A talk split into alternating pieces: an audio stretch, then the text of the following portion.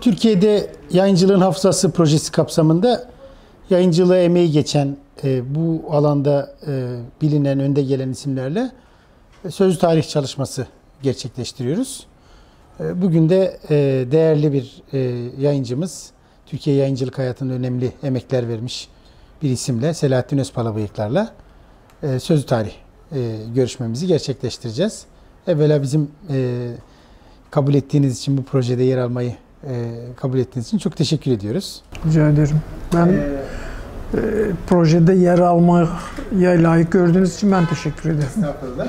Yani diğer isimlere baktım çünkü gerçekten şey e, içinde yer almasam, yer alamazsam, e, alamazsam üzüleceğim bir proje olurdu. O yüzden sağ olun tekrar. Ee, siz Türkiye'de yayıncılıkta çok e, önemli noktalarda, önemli e, kesişim noktalarında bulundunuz. E, Türkiye'de bugün e, ismi geçen pek çok yayın evinde emek verdiniz.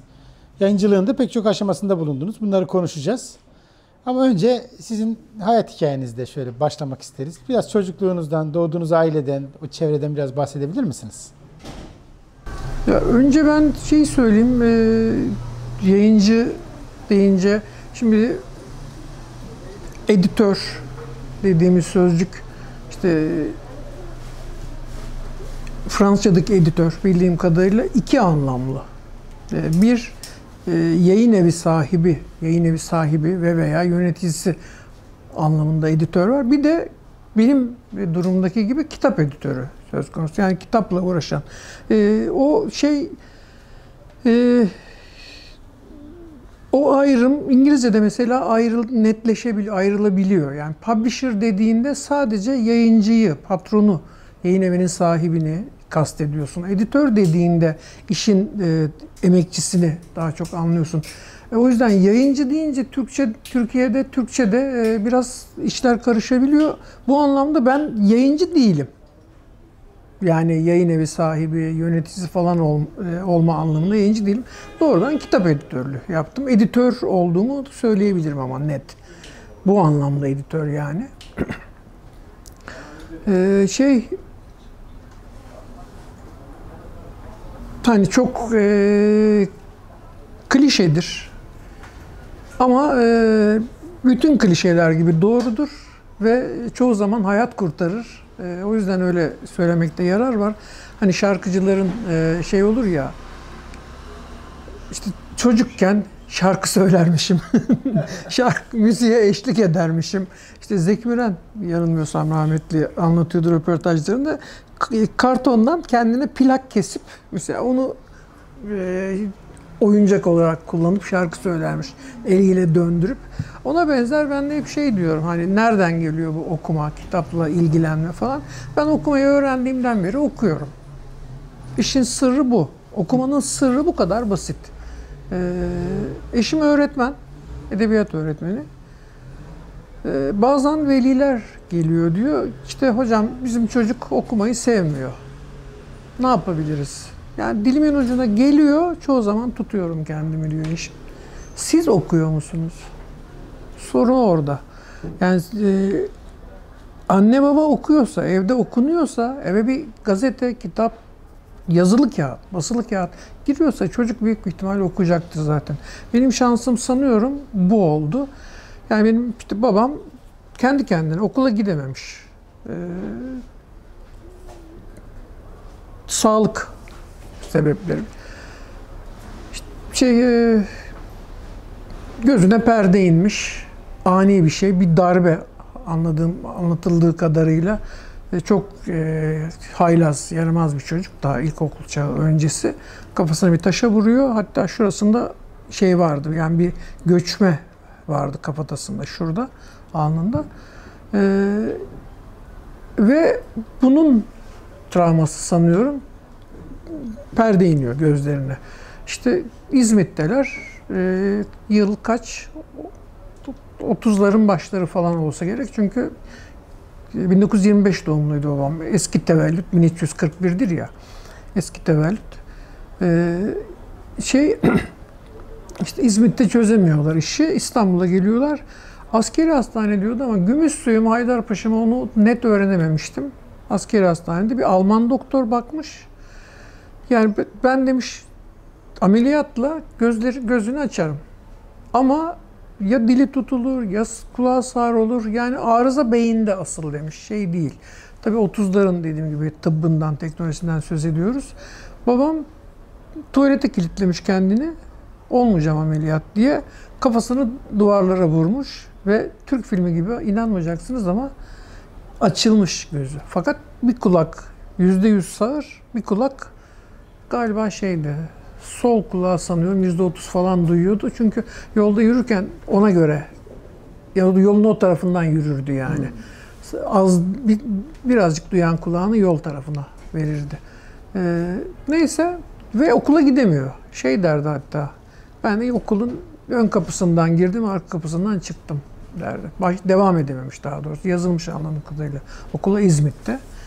Dediğim gibi şey e, ama kendi kendine okuma yazma öğrenmiş ve düzenli olarak yıllarca her gün eve bir Hürriyet gazetesi girdi.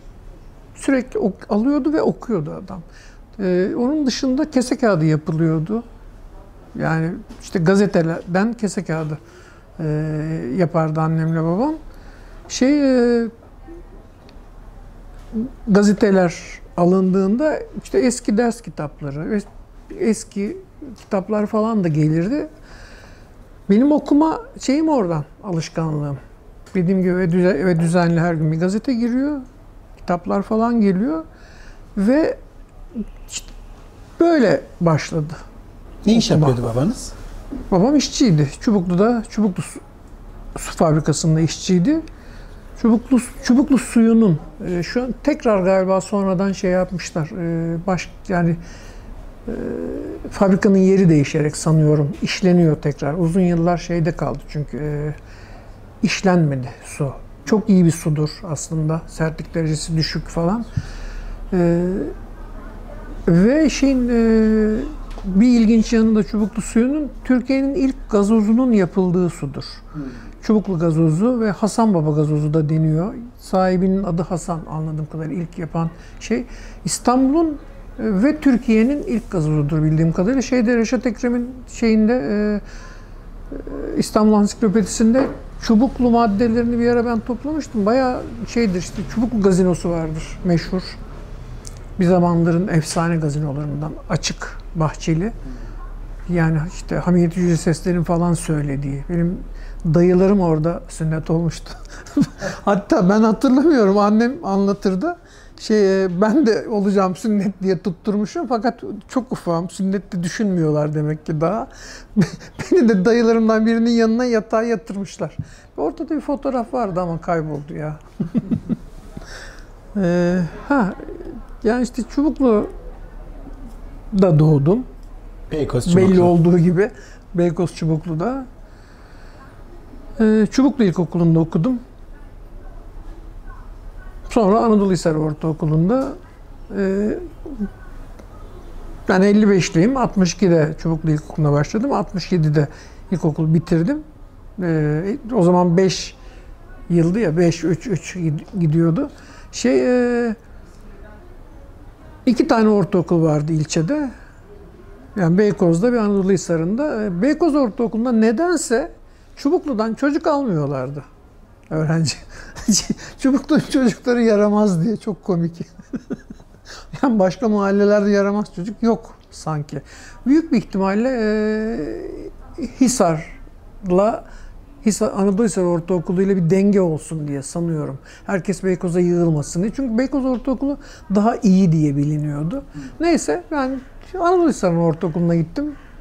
Şu anda şeyde e, işte, deniz kıyısında şey e, Sabancı Öğretmen Evi olması lazım. O bina ilk e, işte iki buçuk sene falan orada okuduk. Daha sonra e, iç kısımda Yeni Mahalle tarafında bir yeni şey yapıldı, e, okul yapıldı. Oraya e, gittik yarım sene falan yani üçüncü sınıfın sınıfı orada bitirdim. Şey ya çok ilginç. Ee, yönetmenini unuttum. Sadri Alışık'la Ayla, Ayla Algan'ın ilk filmidir galiba. Ah Güzel İstanbul. Ee, Onun çekimi sırasında ben Anadolu Lisesi'nde ortaokuldaydım. Plajda bir e, meşhur fi- finale yakın bir sahnesi vardır. Küçük su plajında çekiliyordu. Plajın açığında yani çekiliyordu. Şey e, hemen okuldan görünen yer. O- Atlayıp teneffüs bahanesiyle falan çekim seyretmeye giderdik. Güzel filmdir. evet ya. O göçün oluşturduğu ilk şokları iyi anlatır. Evet. Sonra Ya e, evet Anadolu Lisesi Ortaokulu. Ha yani dediğim gibi şey Anadolu Lisesi Ortaokulu'na gittim Beykoz'a almadıkları için ama memnunum. Ya galiba şey zaten e, bugünlerde gene e, bir vesileyle şey oldu. Söz konusu oldu. E, şeyin Amerikalıdır değil mi? Hep karıştırırım çünkü Amerikalı mıydı, İngiliz, İngiliz miydi? Robert Frost diye bir şair var. Meşhur bir şiiri vardır. Ee, The Road e, neydi? Road Not Taken diye. Gidilmeyen yol, tutulmayan yol gibi. Ben gidilmeyen yol diye çevirdim. O şiirde şey der. E, ben işte sarı bir ormanda ikiye ayrıldı yolum diye başlar. İki yol hangisinden gideyim karar veremiyor. Sonra daha az gidilmiştir diye öbür yolların birinden gidiyor. Öbürünü başka bir güne bıraktım diyor öbür yolu. Ama diyor biliyorum yıllar sonra ben bunu iç geçirmeyle hatırlayacağım ve şey diyeceğim işte e, bir gün önümde yol ikiye ayrıldı ve ben az git e, daha az geçilmişinden gittim. E İşte bu ve her şeyi değiştiren bu oldu diyeceğim diyor. Ama şöyle bir şey var şiirin bütününü okuduğunuzda aslında hiçbir fark yok diyor arada. Hiçbir fark olmadı, olmayacak.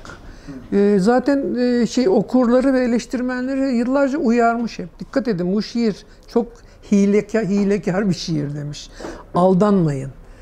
İnsanlar hep işte e, hayatta verdiğimiz kararlar hayatımızı değiştirir, bir şey yapar. Öyle yap değil de böyle yapınca şu olur, bu olur falan gibi yorumluyor. Bu şey adam tam tersini söylüyor benim anladığım kadarıyla. Oradan da gitsen bir şey değişmeyecek. Sen yaşayacağını yaşayacaksın zaten. Yaşayacaktın diyor. E, şey, şey, Anadolu Hisarı ve Beykoz'a bağlayacağım. Ya Beykoz'a Beykoz Ortaokulu'na gitsem ne olacak diye, diye düşünüyorum. Bilmiyorum ne olacağını ama herhalde ya bir tür nasıl diyeyim tuhaf ama e, kader ya da değil. Ama galiba bir tevekkül gerekiyor hayatta. Ya arkadaş bu öyle olmadı da böyle oldu. E ne yapayım yani? Öyle olsaydı ne olacağını bilmiyorum ki. Dolayısıyla niye hayıflanayım? Şey var ya, e, Hayyam rubailerinden birinin çevirisidir galiba. Şey diyor, e, Beyhude geçmiş günü yad etme, bir gelmeye bir gelmeyecek an için, bir gelmemiş an içinde feryat etme. E, bir şey daha, o üçüncü dizeler hep unutulur ya. E, eğlenmene bak, ömrünü, gününü berbat etme. Olay şu, yani e, geçmiş geçmiştir. Geri getiremezsin. Gelecekte gelmedi, müdahale edemezsin. Bir tek yaşayacağın şey var, o da şimdidir, şu andır. Onu berbat etme diyor. Geçmişi beyhude yere yad ederek, e, gelecek içinde, pardon, geçmiş için feryat ederek, gelecek Yok tam tersi. Evet, evet. Geçmişi yad ederek, gelecek için de feryat ederek ömrünü berbat etmiş. Olay bu. Ha, çok uzattım ama şey e, Anadolu Hisarı Ortaokulu'na gittiğime memnunum. Üç, e, okul, ortaokullarda yabancı dil o zaman başlıyordu. Şimdi hala o genel olarak öyle galiba. E, şey, yabancı dil eğitimi standart olarak yani üç dil vardı bildiğim İngilizce, Almanca, Fransızca. Seçmeliydi bunlar. Ama çoğu zaman hangi hoca varsa okuldaki hoca durumuna göre hangisi denk geliyorsa. Bana İngilizce denk geldi. Bundan da mesela memnunum. Çünkü e, zaman içinde editör olarak da, okur olarak da, çevirmen olarak da şunu gördüm ben yabancı dil konusunda. Ee, insanlar bazı belki tesadüflerle bir takım yabancı dillere yöneliyorlar. e, neredeyse maruz kalıyorlar. Seçme şansı çok olmuyor gördüğüm kadarıyla. Ama tuhaf bir şekilde sonradan şey olduğunu gördüm ben. E, özellikle belli dillerde ağırlık kazanmış. O dillerde işte çeviri yapmış o dillerde. E, o diller üzerine çalışmış insanların neredeyse e, o dile uygun karakterde olduklarını gördüm. Çok genel olarak konuşmak gerekirse. Bir tür diyelim işte Almancacılar bir tür Prusyalı karakterine sahip. Alman netliği, Alman disiplini, Alman değiş yerindeyse katılığı oluyor mesela onlarda. İşte atıyorum İtalyancıcılar ayrı bir alem. İşte İngilizcecilerin çoğunda kendimden de biliyorum. Ee, mesela şey e, işte İngiliz espri anlayışına yatkınlığı söz konusu oluyor ve insanın bir tür resmi, akla dayanan, soğuk diyebileceğimiz ciddiyetteki esprilere yatkınlığı gibi. Ee, işte gene dönüp şeye bağlayacağım bunu. Yani seçim ya da e, seçilim diyeceğim. Yani maruz kalmada söz konusu olabilir. Galiba şey e, tesadüf değil, iş olacağına varıyor bir anlamda. Öyle de olsa, böyle de olsa. Evet. yani Anadolu Hisarı. Ha, ortaokul okudunuz. Hikaye buydu. Anadolu Hisarı. Nasıl bir çocukluk, nasıl bir mahalle hayatı vardı? Yani film setinden bahsettiniz ama yani Hmm. İstanbul'un köşe kenarı burası o tarihlerde. Tabii tabii tabii tabii öyle. Muhtemelen vapurla gidilip geliniyor. Şey, Ya nasıl bir şey İstanbul vardı. Yani belediye otobüsü, halk otobüsü de vardı. Ee, ama e, şeyde e, annemler 54'te evlenip babamla annem yani e, Çubuklu'ya gelmişler. Babam daha önce Anadolu Hisarı'nda bekarlığında Anadolu Hisarı'nda bulunmuş. E, çömlek atölyelerinde çalışmış. Yıllar sonra benim çömlekçi arkadaşlarım falan oldu. Çok ilginç bir şekilde. Yine Anadolu Hisarı'nda. Şey e, Volilerde ve dalyanlarda, Beykoz dalyanında mesela e, çalışmış bayağı uzun süre. E, Bekarlığında sonra evlendikten sonra yani ben benim çocukluğumda da e, Dalyan'da falan çalıştığını hatırlıyorum. Voli'de, Dalyan'da. E, Neyse işte 54'te e, evlendikten sonra gelip taşınıyorlar. O sırada bir tek e, yani Boğaz'ın Anadolu yakası sahil yolunda Beykoz Üsküdar Beykoz arasında bir tanecik otobüs varmış. Herhalde belediye otobüsü. Ama benim çocukluğumda artık normal bir trafik vardı. Belediye otobüsü, halk otobüsü de. Yani şeye e, paso 20 kuruştu hiç unutmuyorum. paso bilet. Öğrenci pasosu. Öğrenci tabii tabii 20 kuruştu. Ekmek uzun süre 70 kuruştu. Yani o yüzden e, ekmek almaya giden çocuklara genellikle 1 lira verilirdi. 30 kuruş çocuğun olurdu.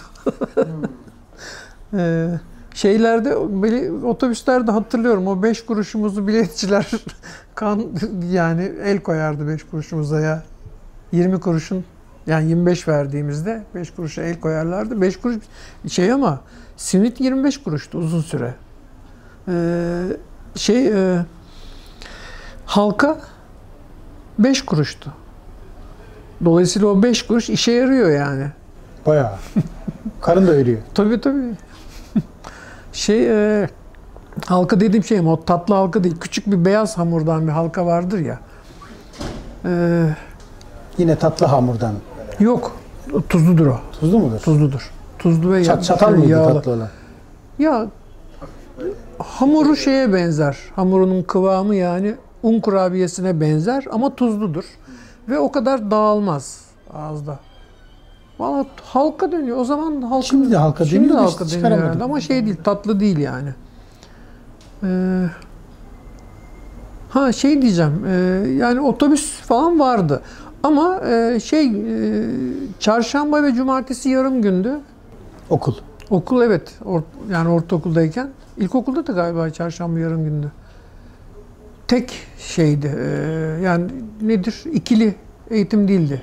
Yani sabahçı öğlenci yok, yoktu en azından biz ortaokuldayken. Demek ki mevcut yetiyormuş tek e, eğitime.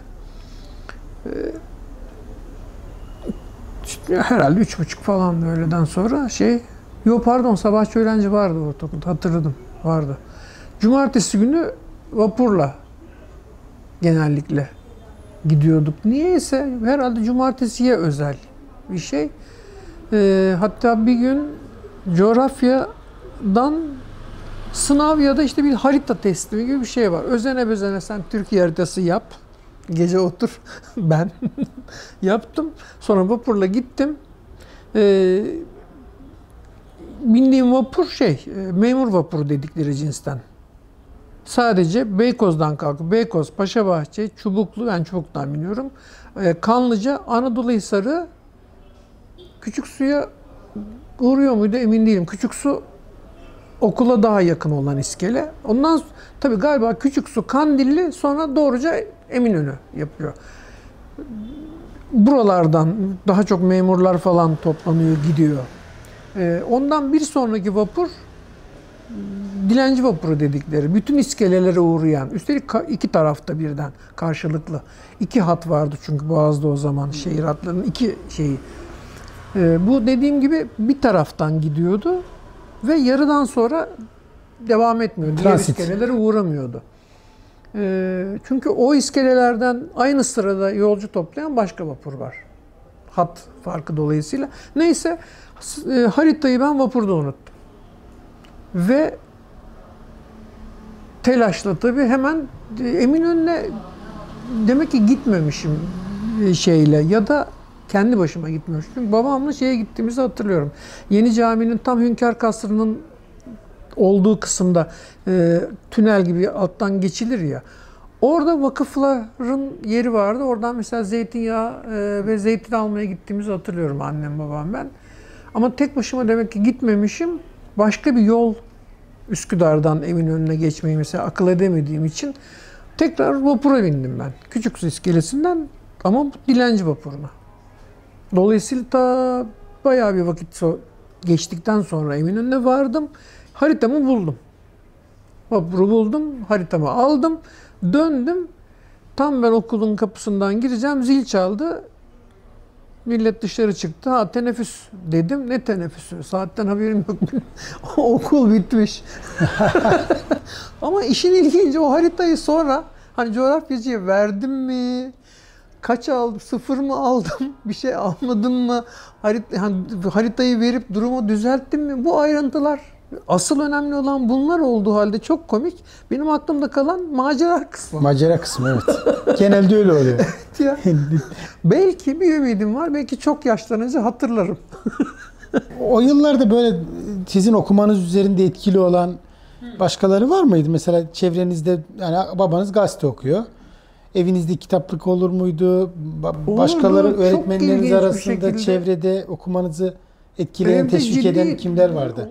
Ee, bir kere evde e, babam ya herhalde çok az çocuğun böyle bir şansı olmuştur. Olayın çünkü parayla, zenginlikle falan ilgisi yok. Tamamen şeyle, e, ne diyeyim, gönülle ilgisi var. Babam bir eski şey hani ceviz büfeler falan Hmm, olurdu ya evet. eskiden. Öyle bir büfeden bana kitaplık yapmıştı. Hmm. Eski, işte bir komşunun herhalde verdiği ya da babamın bir yerden bir şekilde bulduğu. Hiç unutmam. Tuhaf bir yeşile de boyamıştı üstelik. yani bu tür şeylerden eller elinden geliyordu ama adamcağızın şeyden işte e, malzeme e, yetersizliğinden becerebildiği kadar yapıyordu tabii. Şey e, dediğim gibi böyle bayağı eski usul iş, işçiliği olan bir e, dolap. Şöyle bir dolap camlı falan bana kitaplık yapmıştı ve doldurmuştum ben içini. Hmm. Ciddi ciddi dolduracak kadar kitabım var. Daha ya ilkokula ya da ortaokula gidiyorum. Şey e, ilkokulda bir öğretmenim oldu. Soyadını hala hatırlamam. Adını hatırlıyorum bir tek Özcan Bey. E, bir yıllar sonra fark ettim tabii. Aa bu arabaydı ya diye hatırladım. E, İngilizlerin bir Mini Cooper'ı vardır ya. Mini Cooper'ı vardı. Onunla gelip gidiyordu okula. Nereden geliyor idiyse e, sınıf öğretmeni. Yani şey değil, hala öyle galiba değil mi? İlkokulda Tabii sınıf öğretmeni. tek yani. öğretmen vardır. Her işi o an- e, halleder diyeyim. Bir, birkaç ders hariç. Hı. Müzik, Ha, evet, İngilizce tamam, e, vesaire onlar tamam. hariç. Ee, şey Milliyet'in ilkokullar arası bilgi kültür yarışması. 5. sınıflardan her yani okuldan bir öğrenci seçilip katılıyordu. Aynı yıl e, 67-68 ders yılı olması lazım. Benim 5. sınıfta olduğum gibi ya da 66 66 67'dir sanıyorum. Ee, aynı sırada or- e, liseler arası da şey var. e, bir folklor yarışması, bir de hafif müzik yarışması. Folklor yarışmasından da bildiğim kadarıyla önemli ekipler çıktı. Ama Türkiye'de bir dönemden sonra folklora ilgi azaldığı için halk oyunlarına diyeyim, ilgi azaldığı, düştüğü, belki ivmesi düştüğü için kayboldular. Ama hafif müzik e, yarışmasından e, müthiş gruplar ve müthiş şeyler, e, müzisyenler çıktı. Bayağı önemli isimler. Şimdi tek tek aklımda değil elbette ama e, şey mesela e, Türkiye Petrolleri Anonim Ortaklığı şu anda yok galiba. Türkiye'nin petrolde bir şeyi yok zaten. Duruyor. Türk petrolü olarak Ya da işte. ha, ha, Türk Petrol değil mi? Tabii. Tamam. İşte Batman'da e, yani Türk Pet Türkiye Petrol'ün ortaklığında çalışan insanların çocukları idi hatırladığım kadarıyla bunlar. Ya da e, Batman'da bir ok, e, şeyin şirketin kurduğu, yaptırdığı bir ok- okulun belki öğrenciliği de ayrıntıyı hatırlamıyorum ama şeyin adı yani Batman e, TPAO orkestrası gibi bir şeydi orkestranın adı. E, ilk hafif müzik gruplarından biridir ve daha sonra profesyonel olarak da çalıştılar bildiğim kadarıyla. Böyle bir grup çıktı örneğin. Daha bir sürü dediğim gibi şarkıcı falan da çıktı. E, şeyde de işte ilkokul e, cephesinde dediğim ilkokul arası bilgi kültür yarışması. Ben e, okulumu temsilen ben gittim o yarışmaya. İşin ilginci ben çalışkan bir öğrenci falan değildim. E, yıllar sonra e, yıllar sonra dediğim şeyden sonra yani yarışma sonrası e, Özcan Bey bana söylemişti. E, ben senin için kurulda kavga ettim diye öğretmenler kurulunda. Çünkü şey ben 5A'daydım. iki şubeli okul. 5B'de Vallahi çocuğun adını şimdi unuttum ya. Çocuk vardı ama o tipik çalışkan çocuk. Ben çalışkan falan değilim. İşte bir ilgilerim var. Okuyorum. Ee, işte tarihe meraklıyım. Edebiyatı falan meraklıyım. Olabildiği kadar. Yani 66'da İstanbul'un bir bir tür kenar mahalle. Kenar değilse bile Boğaz kıyısında bir mahalle. Çubuklu diye. Aslında çok eski bir yer. Ta Lale Devri'ne kadar gidiyor tarih. Daha bile öncesine hatta. Yani işte Uykusuzlar Manastırı denen bir manastır var Bizans zamanında falan. Öyle bir yer. Ee, şeyin 3. Ahmet'in yani Lale Devri'nin padişahının e, mesire yerlerinden biri. İşte tarihi bir havuz vardı mahvedilmiş durumda maalesef. Kapatılmış durumda. Son gördüğümde kapanmıştı üstü. İşte e, şey neyse e, ama e, belki işte e, şehrin merkezinden uzak oluşu bir tür şey, bir tür yazlık yer aslında. Sayfiye yeri. Sayfiye yeri aslında. Ee, neyse yani ilgi Osmanlı sonrası ilgi düşmüş, azalmış falan öyle bir yer. Dolayısıyla bir tür yani bildiğin mahalle. Ee, bu buradan buranın tek ilkokulu şu anda da galiba tek ilkokul. Ee, ilkokulu var. Orada ne kadar olabilirse, ne kadar yapılabilirse ilgiliyim. İşte aile şartları malum falan ee, okumayla.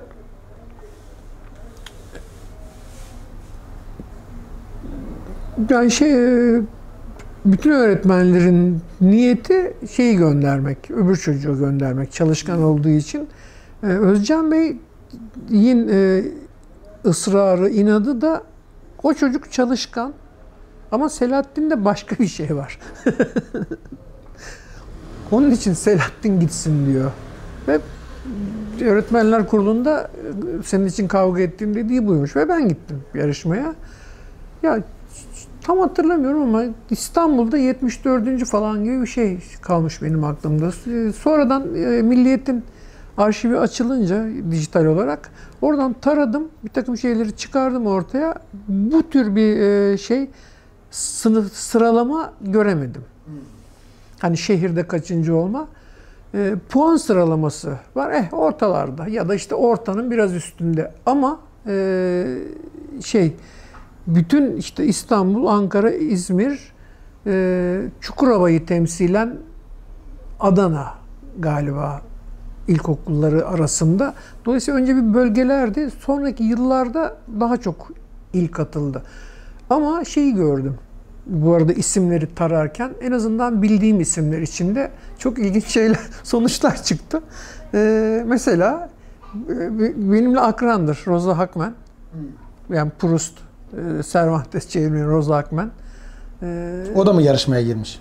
İzmir'den, e, İzmir Amerikan Kız Koleji sonradan tabii pardon o zaman tabii ilkokul bölümünde galiba şimdi hatırlamıyorum ama e, o İzmir e, okulunu temsil etmiş.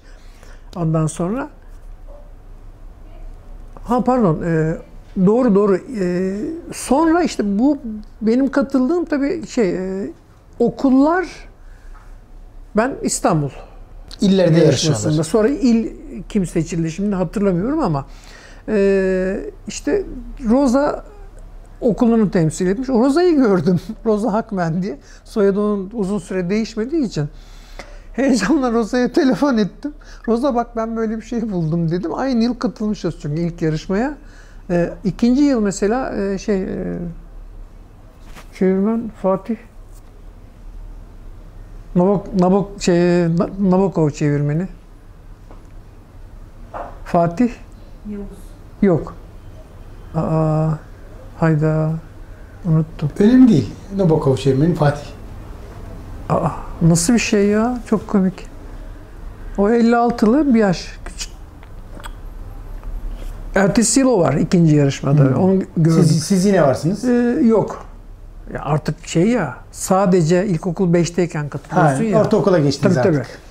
Ee, şey neyse e, peki dedi İzmir'den gene şu okuldan Tülay bilmem kim kim biliyor musun dedi Roza. Bilmiyorum dedim. O Tülay Güngen. Yapı Kredi'nin genel müdürü. Yapı Kredi yayınlarının genel müdürü şu anda Tülay Hanım. Ee, da, böyle bilmediğim tabii soyadı değişen falan bilmediğim isimler var ama bildiklerim bile ciddi, ilginç bir kadro çıkardı ortaya. E, tabii yani neticesinde Türkiye'nin sonraki yıllarda Evet. okumuş yazmış Evet evet. elit insanları. Ve bu arada e, içlerinde herhalde en e, sosyolojik olarak aşağıda olan benim büyük bir ihtimalle. Alt ya da benim tabakalardan birileri gelen- daha vardır. İşçi çocuğu olarak. Evet. Sonra e, siz lisede neler yaptınız? Liseye Ben devam liseye edip- gitmedim, Devam gidemedim. edemediniz. Biraz da onu Tabii, anlatabilir tabii. misiniz? Liseye yani böyle gidemedim. başarılı bir öğrencilik e, okum, okumayı seven birisi olarak liseye niye Ee, devam edemediniz? Şey okul anlamında çok başarılı sayılmam. Öğrencilik anlamında. Çünkü şey e, ortaokulda ben son sınıfta beklemeye kaldım mesela. O zaman beklemeye kalmak vardı. Orta ve lisede son sınıfta kaldığında bir yıl bekliyorsun. Okula gitmiyorsun. Yani sınıfta kalmaktan farkı o. Okula gitmiyorsun. Sınavlara giriyorsun tekrar. Sınavları bekliyorsun. Ee, işte o arada petrol, petrol, petrol ofisinin Çubuklu deposunda çıraklık yaptım falan. Hem tamir, önce tamirci çıraklığı, şey, e, talim, şey, torna atölyesinde çalıştım. Sonra şeyde e, tamir atölyesinde tamirci, çı- basbayağı tamirci çıraklığı yaptım yani. Ondan sonra işte e, 72 ne oluyor? Galiba o yıllarda gene ya da işte ortaokul bittiğinde belki dekorcu çıraklığına başladım. 17 yaşına gelmiştim bu arada evet. Dekorculuk şu, e, kristal e, züccaci eşyaları olur ya. Evet. Kristal ya da işte soğuk kesme cam. Üzerinde e, genellikle simetrik kesme dekorlar vardır. O işin e, çırağıydım. Zamanlı ustası oldum. E, ve şey e, işime yaradı benim e, yani çünkü aklım bir yerden sonra hep şeydeydi. E, Cağaloğlu'ndaydı. Neden Cağaloğlu? Çünkü basın yayın piyasasının merkezi o. Ben de bir noktada yıllar sonra onu hatırladım. Bir iki yerde yazdım da galiba şey e, kendi kendime şey sözü vermişim. Vermiştim. Ben işte açlıktan ölme raddelerine gelmedikçe dekorculuk yapmayacağım ve şeyde e, masa da bir iş yapacağım. Yazıyla, çizgiyle, kalemle ilgili bir iş yapacağım. Ne olacağını bilmiyorum bu işin. Ama yıllar sonra belli oldu yani. Bu editörlükmüş meğerse. Masa başı bir iş Masa olacak başı diye. işi. O zaman Kağıtla, kalemle, tabii bilgisayar biraz etraftaki o yok. sanayi, işçi dünyasını görmenin de etkisi var Evet. bunda. Ya şey e, yıllar sonra gene işte hep yıllar sonra diyorum bir takım şeyleri sonradan e, duyuyorsun, öğreniyorsun. E, gazete bayi vardı. Büyük bir merkez kıraathanesi galiba. Çubuk mer- en büyük kahvesi 2-3 tane kahve vardı. Babamın da takıldığı diyeyim kahveydi. E, hemen yanında iki kardeş zaten işletiyor. İbrahim ve Ömer. Hiç unutmam şey diye ezberlemiştim. Laurel değil de ben öyle ezber, ezberledim. İsimleri nedir onun? Stan ve Laurel. Ee, Stan ve Oliver pardon. E, Stan Laurel, Laurel Oliver Hardy. Oliver şişman olandır. O gibi. Stan de zayıf olandır. S gibi diyelim. Ee, İbrahim ve Ömer abileri de Ömer şişman olan, İbrahim zayıf olan. İyi gibi, biri de Ö gibi diye. Ee, İbrahim bir yandan da e, asıl yani gün boyu şeydeydi. Gazete bayindeydi. Milliyet Sanat çıkmaya başlamıştı. Yani işte önce gazetenin ekiydi malum. Parasız ekiydi Milliyet Sanat. Sonradan bağımsız e, dergi olarak çıktı. Düzenli olarak oradan her ay ben Milliyet Sanat alıyordum. Yıllar sonra İbrahim abi bana söyledi. Ya Selahattin buraya iki tane Milliyet Sanat geliyordu. Birini sen alıyordun dedi. 70'lerde Çubuklu'ya iki tanecik Milliyet Sanat geliyor. Ve birini ben alıyorum. Nasıl bir e, inatsa benimki. Şey e, öbürü kimdi dedim hatırlamadı onu. Demek Bir ki o çok adayım var ama. düzenini almıyormuş. Bilmiyorum belki. Ya şey e, Adayınız kim? Ya adını unuttum. Ee, babası öğretmen olan bir arkadaşım var. Sonradan tanıştık ama işin e, komik yanı çocuğa bunu sorma şansım olmadı benim. Çünkü galiba yani ik- milliyet iki milliyet sanat hikayesini sonradan öğrendim. Ar- Erol, Erol arkadaşının tamam. Erol'la bağım koptuktan sonrasında öğrendim. Bir tek adayım o var benim. Başka Liseye, ortaokuldaki Lise- beklemeden dolayı mı devam edemediniz? Ya, Yoksa başka etkenler de var mıydı? e, liseyi ailem beni yani rahat rahat lisede okutamayacak durumda idi ekonomik olarak. Dolayısıyla çalışmam lazım. Evde çünkü bir, bir ekmek gidiyor eve. Babam çalışıyor sadece. Annem ev kadını. Kaç kardeşsiniz bu arada? İki kardeşiz. Benden 7 yaş küçük erkek kardeşim var. Ee, dolayısıyla okumam lazım bir yandan. Akşam lisesi bir çözümdü ya da çözüm ihtimaliydi. Ee, şeyde motorcu çıraklığım, tamir çıraklığımda olduğu için buradan devam edebiliriz diye düşündük. İşte annemle babamla konuştuğumuzda şey e, Maçka'da galiba motor sanat lisesi vardı. Akşam eğitimi vardı gibi hatırlıyorduk biz. Ama ya yoktu o sırada okulda ya da boşluk yoktu. Giremedim. E, Haydarpaşa Lisesi'nin akşam eğitimi vardı. Tuhaf biçimde oraya gittik ama bir karışıklık bir şey. Çünkü babamla gittik. Babam dediğim gibi işte kulak sıkıntısı var. Ben çocuğum. Şey yapamıyorum. e, tam anlayamıyorum herhalde bir takım şeyleri. Anlatamıyorum falan. İşte, e, yaptırdık biz kayıt.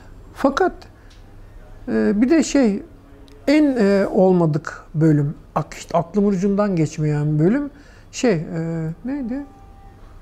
Mobilyacılık gibi bir bölümdü. Doğramacılık pardon, ahşap doğramacılık diye bir bölümdü. E ne yapalım olsun dedik. Hani iştir sonuçta. Bir çalışma imkanı var. Bir yandan okuyacağım, bir yandan şey yapacağım diye. Ama sonradan öğren anladık ki biz akşam bölümüne de yapmamışız kaydı. Normal bölüme yapmışız. Hadi iptal ettik. Ve şey e, yani resim çektireceğiz diye biraz uzunca saçlarım var saçlarım ben kıyıp kestirmiştim. Babama çok kızmıştım saçlarım gitti boşuna boşuna diye. Ama ilginçtir işte demin de baştan beri söylüyorum ya öyle olmadı da böyle oldu. Aslında iyi oldu bir bakıma. Yani şu an hayatımın e, geldiği ve devam ettiği yerden memnunum diyeyim özetle. Belki oradan devam edip bir İşte evet. zanaatkar Ne olacaktınız. olacaktım? Belki işte mahallede bir e, bir yerde bir işte ahşap doğramacı, mobilyacı belki işte hala mesela kitap okumaya devam eden şey yapan e, belki bir roman karakteri gibi bir tip olacaktım ama ben olmayacaktım büyük bir ihtimalle. Yani şey e, ne diyeyim bulunduğu yerden memnun olmayan biri, olduğu yerden memnun olmayan başka bir yerde olmak isteyen biri olarak belki hayatımı sürdürecektim. Yani işte az çok okuyan neden bir mobilyacı olarak kalacaktım belki. Nasıl? O yüzden buralara geldiğine işin memnunum yani. Ya şey e, Bir süre çalıştınız herhalde orada sanayide. Tabii tabii yani Devam sanayi denemez ya. Bir tür küçük atölyelerdir çünkü bunlar. Ee, geçen yıl Beykoz sempozyumu yapılmıştı. Beykoz Belediyesi'nin İstanbul Sosyoloji ile birlikte e, toparladığı bir sempozyum. Tarihinde ilk kez Beykoz için bir sempozyum yapılıyor. Bu arada yani sağ olsunlar e, beni de bildiri için şey yaptılar ve ne yapabilirim diye düşünürken şey çıktı yani bir tür işte dekor atölyelerinde ya da dekor atölyelerinden parantez ne parantez içinde geçen hayat diye bir bildiri sundum. Ee, hem bir e, Tanpınar'ın deyişiyle şahsi masalımı anlatma şansı oldu benim için. Hem de Beykoz'daki o e, şeyin işte cam sanayinin yan sanayidir. Ama Beykoz işte cam fabrikasının Paşabahçe camın yani kapatılması bu yan sanayiyi de öldürdü. Şu anda bitmiş durumda yok dekor atölyeleri. İşte şey için, bildiri için e, çalışırken, Beykoz'a gidip gelirken falan öğrendim ki iş buralara gelmiş. Ee, ne diyecektim? İşte beklemedeyken galiba ben çırak olarak başladım ya da belki ortaokul bittikten sonra eve de yakın öyle bir şansımız oldu. Komşumuzun atölyesi ve 17 gibi ileri bir yaşta. Yani çıraklık için geç bir yaştır, ileri bir yaştır. Ki yani sonra şeyde atölyede benim ustam olan insanların bazıları benden küçüktü. Hatta sonradan anlattılar bana. Çok güldük. Ya sen ilk geldiğinde ulan bu çırak ama biz buna bir şey diyemeyiz. Döver bu bizi demişler. Şeyden değil. Hani dövecek gibi durmamdan değil. Yaş itibariyle büyük olduğum, cüsseden yaş belli oluyor ne kadar olsa. Neyse. Ee, şeyin e, 1972'nin herhalde yıl sonuna yakındır. Yani sigorta girişim çünkü 12 şey 25 Aralık görünüyor. 25 Aralık 1972 görünüyor. Demek ki Kasım'da falan başlamışım. Çünkü hemen sigorta yapılmıştı onu hatırlıyorum. Ee, 75'in Kasım'ına kadar çalıştım kesintisiz orada. 75'in Kasım'ında 55'e 3 tertip olarak askere gittim. İzmir Narlıdere istihkam. Ee, işte ortaokul mezunu olarak gittim. Ha lise kaldı. Liseye gidemedim. Gidemeyince işte çıraklıklar falan ister istemez devreye girdi.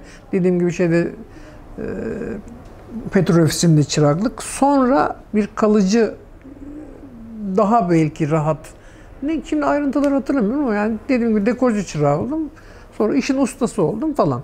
Askerden sonra bir yandan e, bu dekor işine devam ettim ama gözüm hep şeydeydi. Dediğim gibi Cağaloğlu'ndaydı. E, çünkü ya gazeteci olmak ya işte sonuçta oralarda bir şey yapmak gibi bir e, tutku düzeyinde neredeyse bir isteğim, dileğim vardı. Etrafta var mıydı böyle orada çalışan, sizin ilginizi Ya benim hani bu sektöre yönelten çok yoksa ilginç- sadece okuduklarınız Ee, mı sizi cezbediyordu? Okuduklarım aslında. İşin ilginci Çubuklu'da yani komşumuz değil ama bayağı yakında mesela bir gazeteci vardı onu hatırlıyorum. Şey e, galiba e, bir dönemin Demokrat Parti e, yanlısı, yanlısı derken nasıl diyeyim? Yani Demokrat. Parti destekçisi gazetecilerinden ismini unuttum ya. Bayağı önemli bir köşe yazarı, bilinen bir isim. Niyeyse gelmiş çubukla oturuyordu adam. E, şey e, Kanlıca hemen yakın yan mahalle diyelim. Çubuk Kanlıca yan yanadır ya. Kanlıca şeydir. e, Sedat Simavi'nin senelerce oturduğu yerdir mesela. Belki e, bu tür şeyler de etkilemiş olabilir. İşte Beykoz Orhan Veli'nin, Ahmet Mithat Efendi'nin yerleri işte e, Orhan Veli'nin hem doğum yeridir aynı zamanda. Ahmet Mithat Efendi'nin oturduğu yerdir. Konak şey yalısı var deniz kıyısında falan. Belki bu tür şeyler de e, dolaylı yönlendirme sağlamış olabilir. Ama esas olarak şeyden e, dediğim gibi okuduklarımdan ve gene galiba belki farkında olmadan Özcan Bey'in de sanırım şeyi var, etkisi var. Doğrudan yönlendirmese bile beni etkisi var.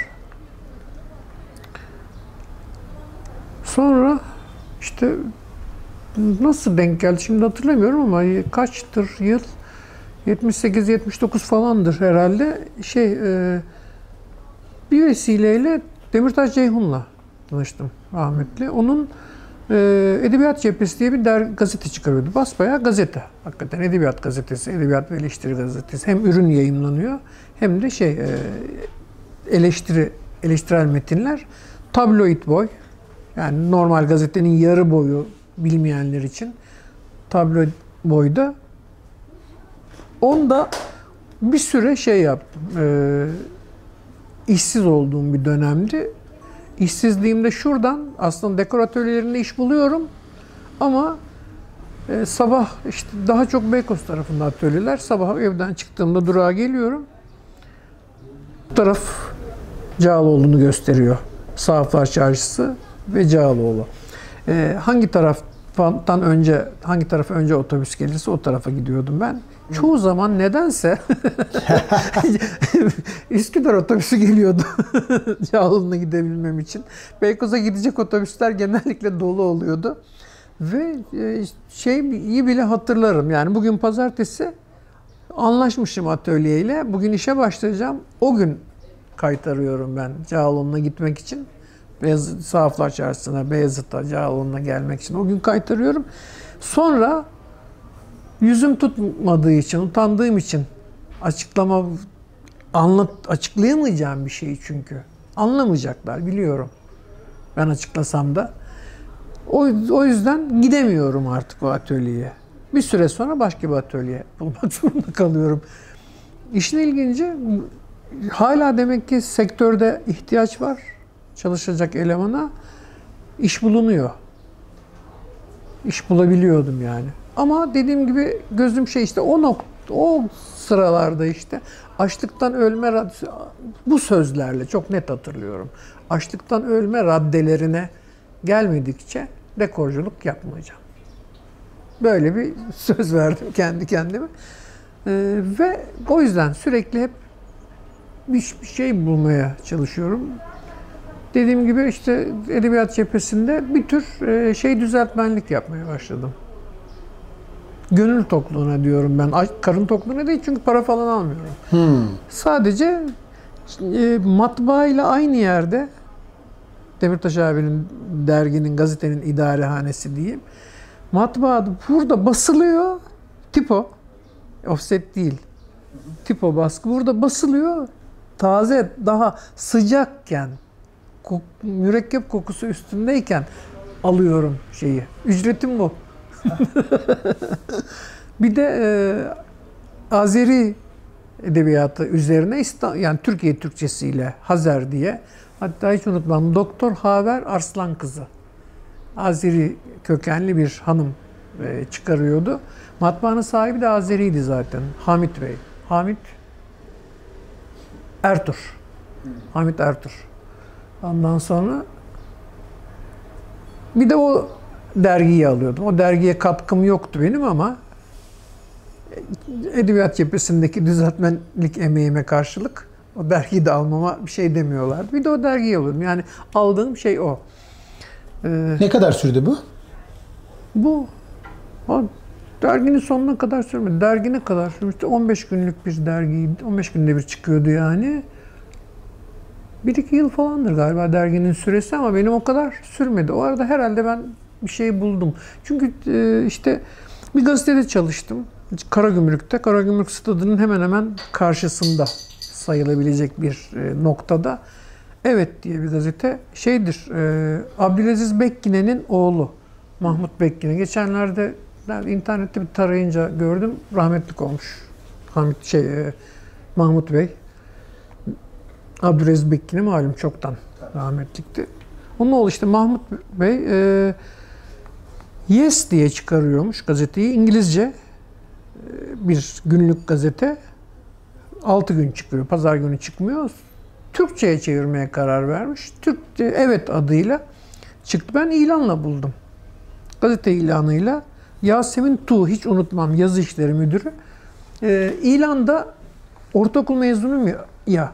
Daha bu demek ki şeyden 12 Eylül'den sonra. Çünkü 12 Eylül bir sürü şeyi değiştirdi. 12 Eylül'den önce bildiğim kadarıyla şeydi. Ortaokul mezunları gazeteci olabiliyor. Yani basın kartı alabiliyordu. İşte 2 yıl mı 3 yıl mı ne bir şey vardır. Stajyer gazetecisindir. Stajyer muha- muhabirsin mesela. Sonra basın kartı alırsın. Ee, şeyde e, Kenan Evren'e 12 Eylül'de bir gazeteci ortaokul mezunu sanıyorum bir muhabir şey olmadık bir soru soruyor. Aslında iyi bir soru tabii ki. Tabii kontra bir soru.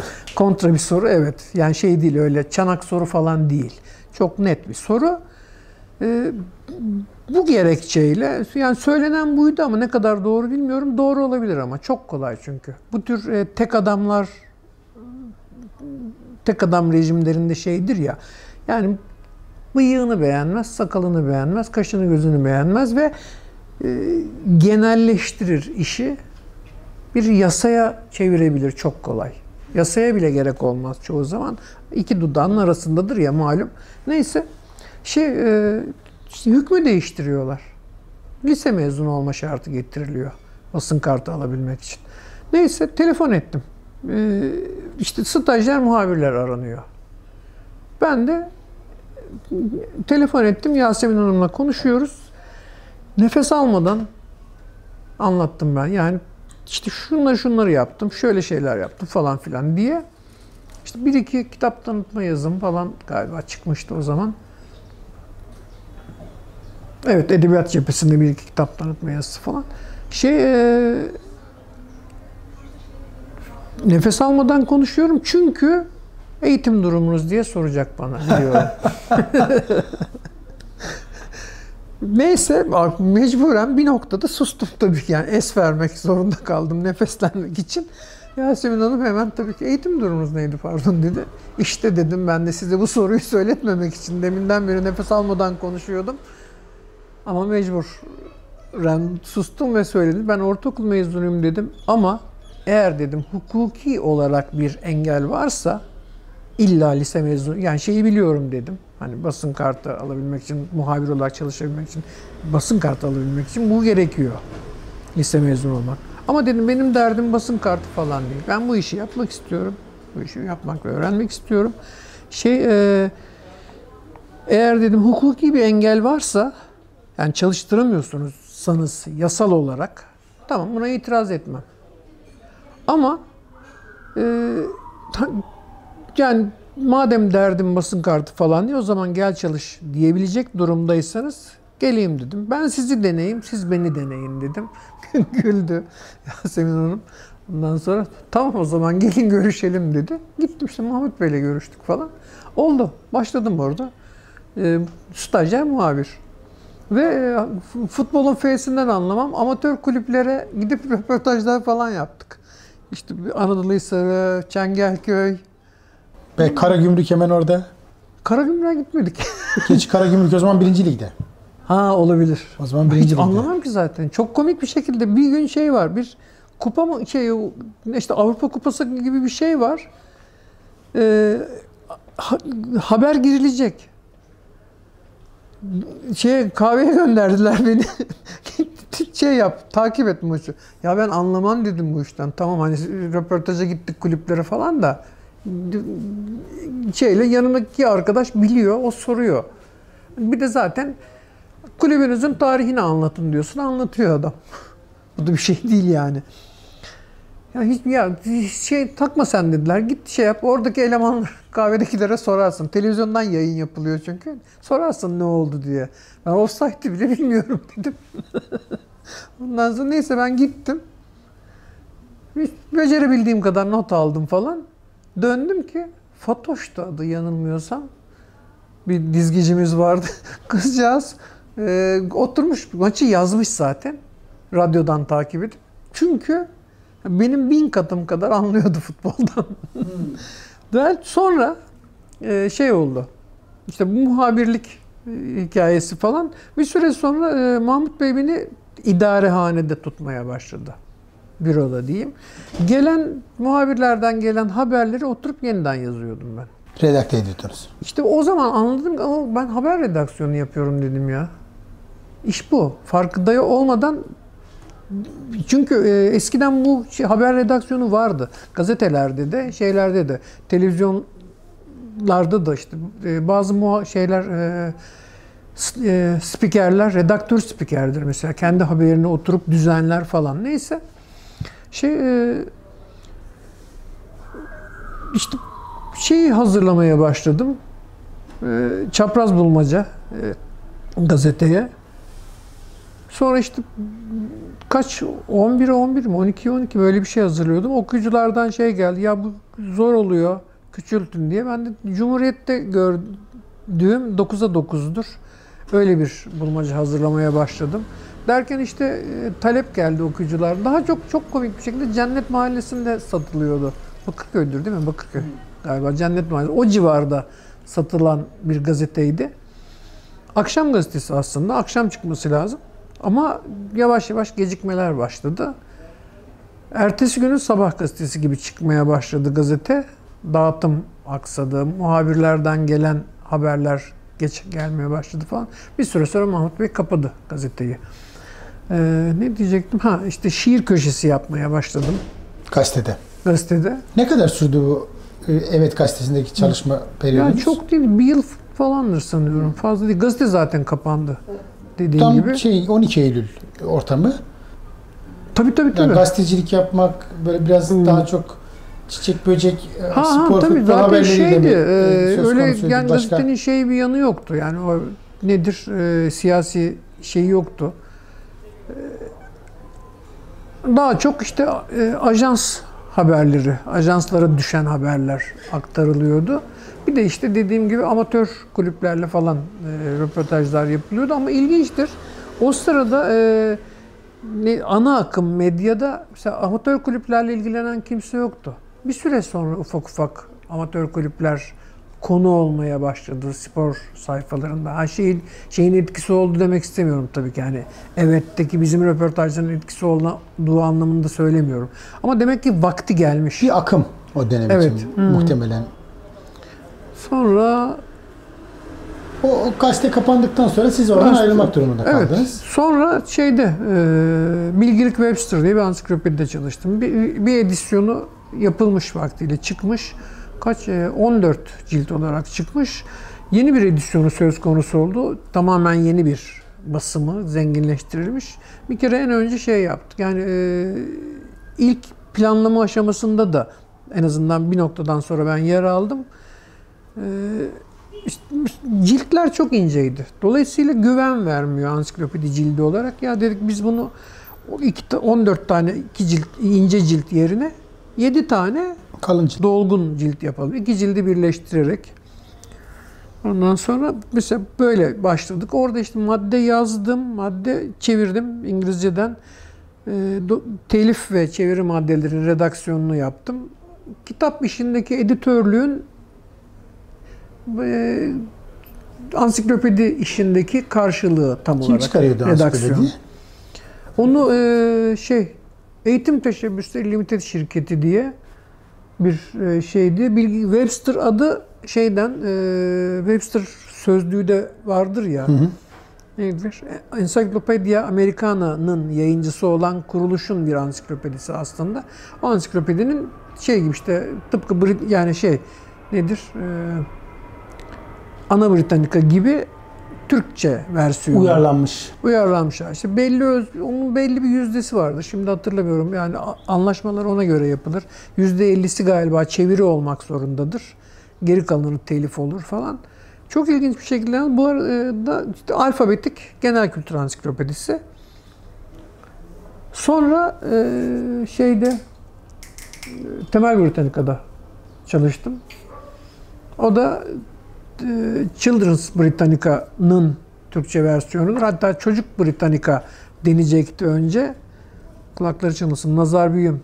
E, Nazar Büyüm, Osman Kavala e, ve aa, çok ilginçtir de e, bir Ermeni bir işte e, Kavala kökenli diyelim e, ve bir de Kürt Selahattin Beyazıt.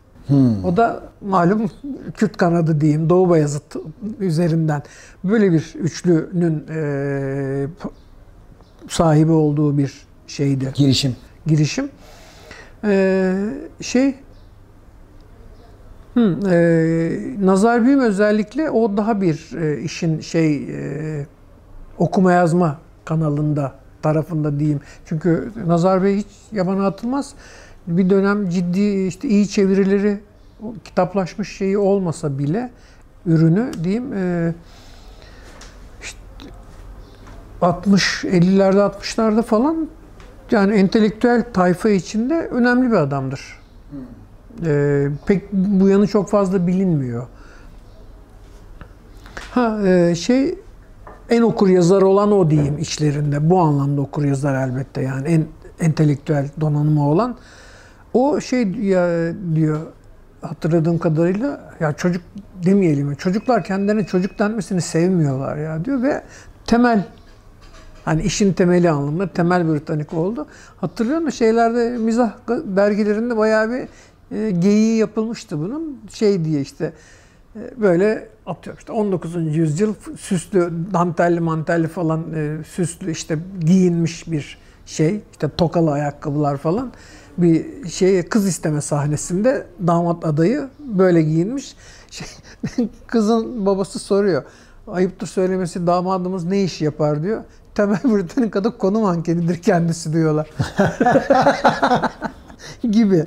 Sonra işte şey e, çocuğun adı Temel'miş.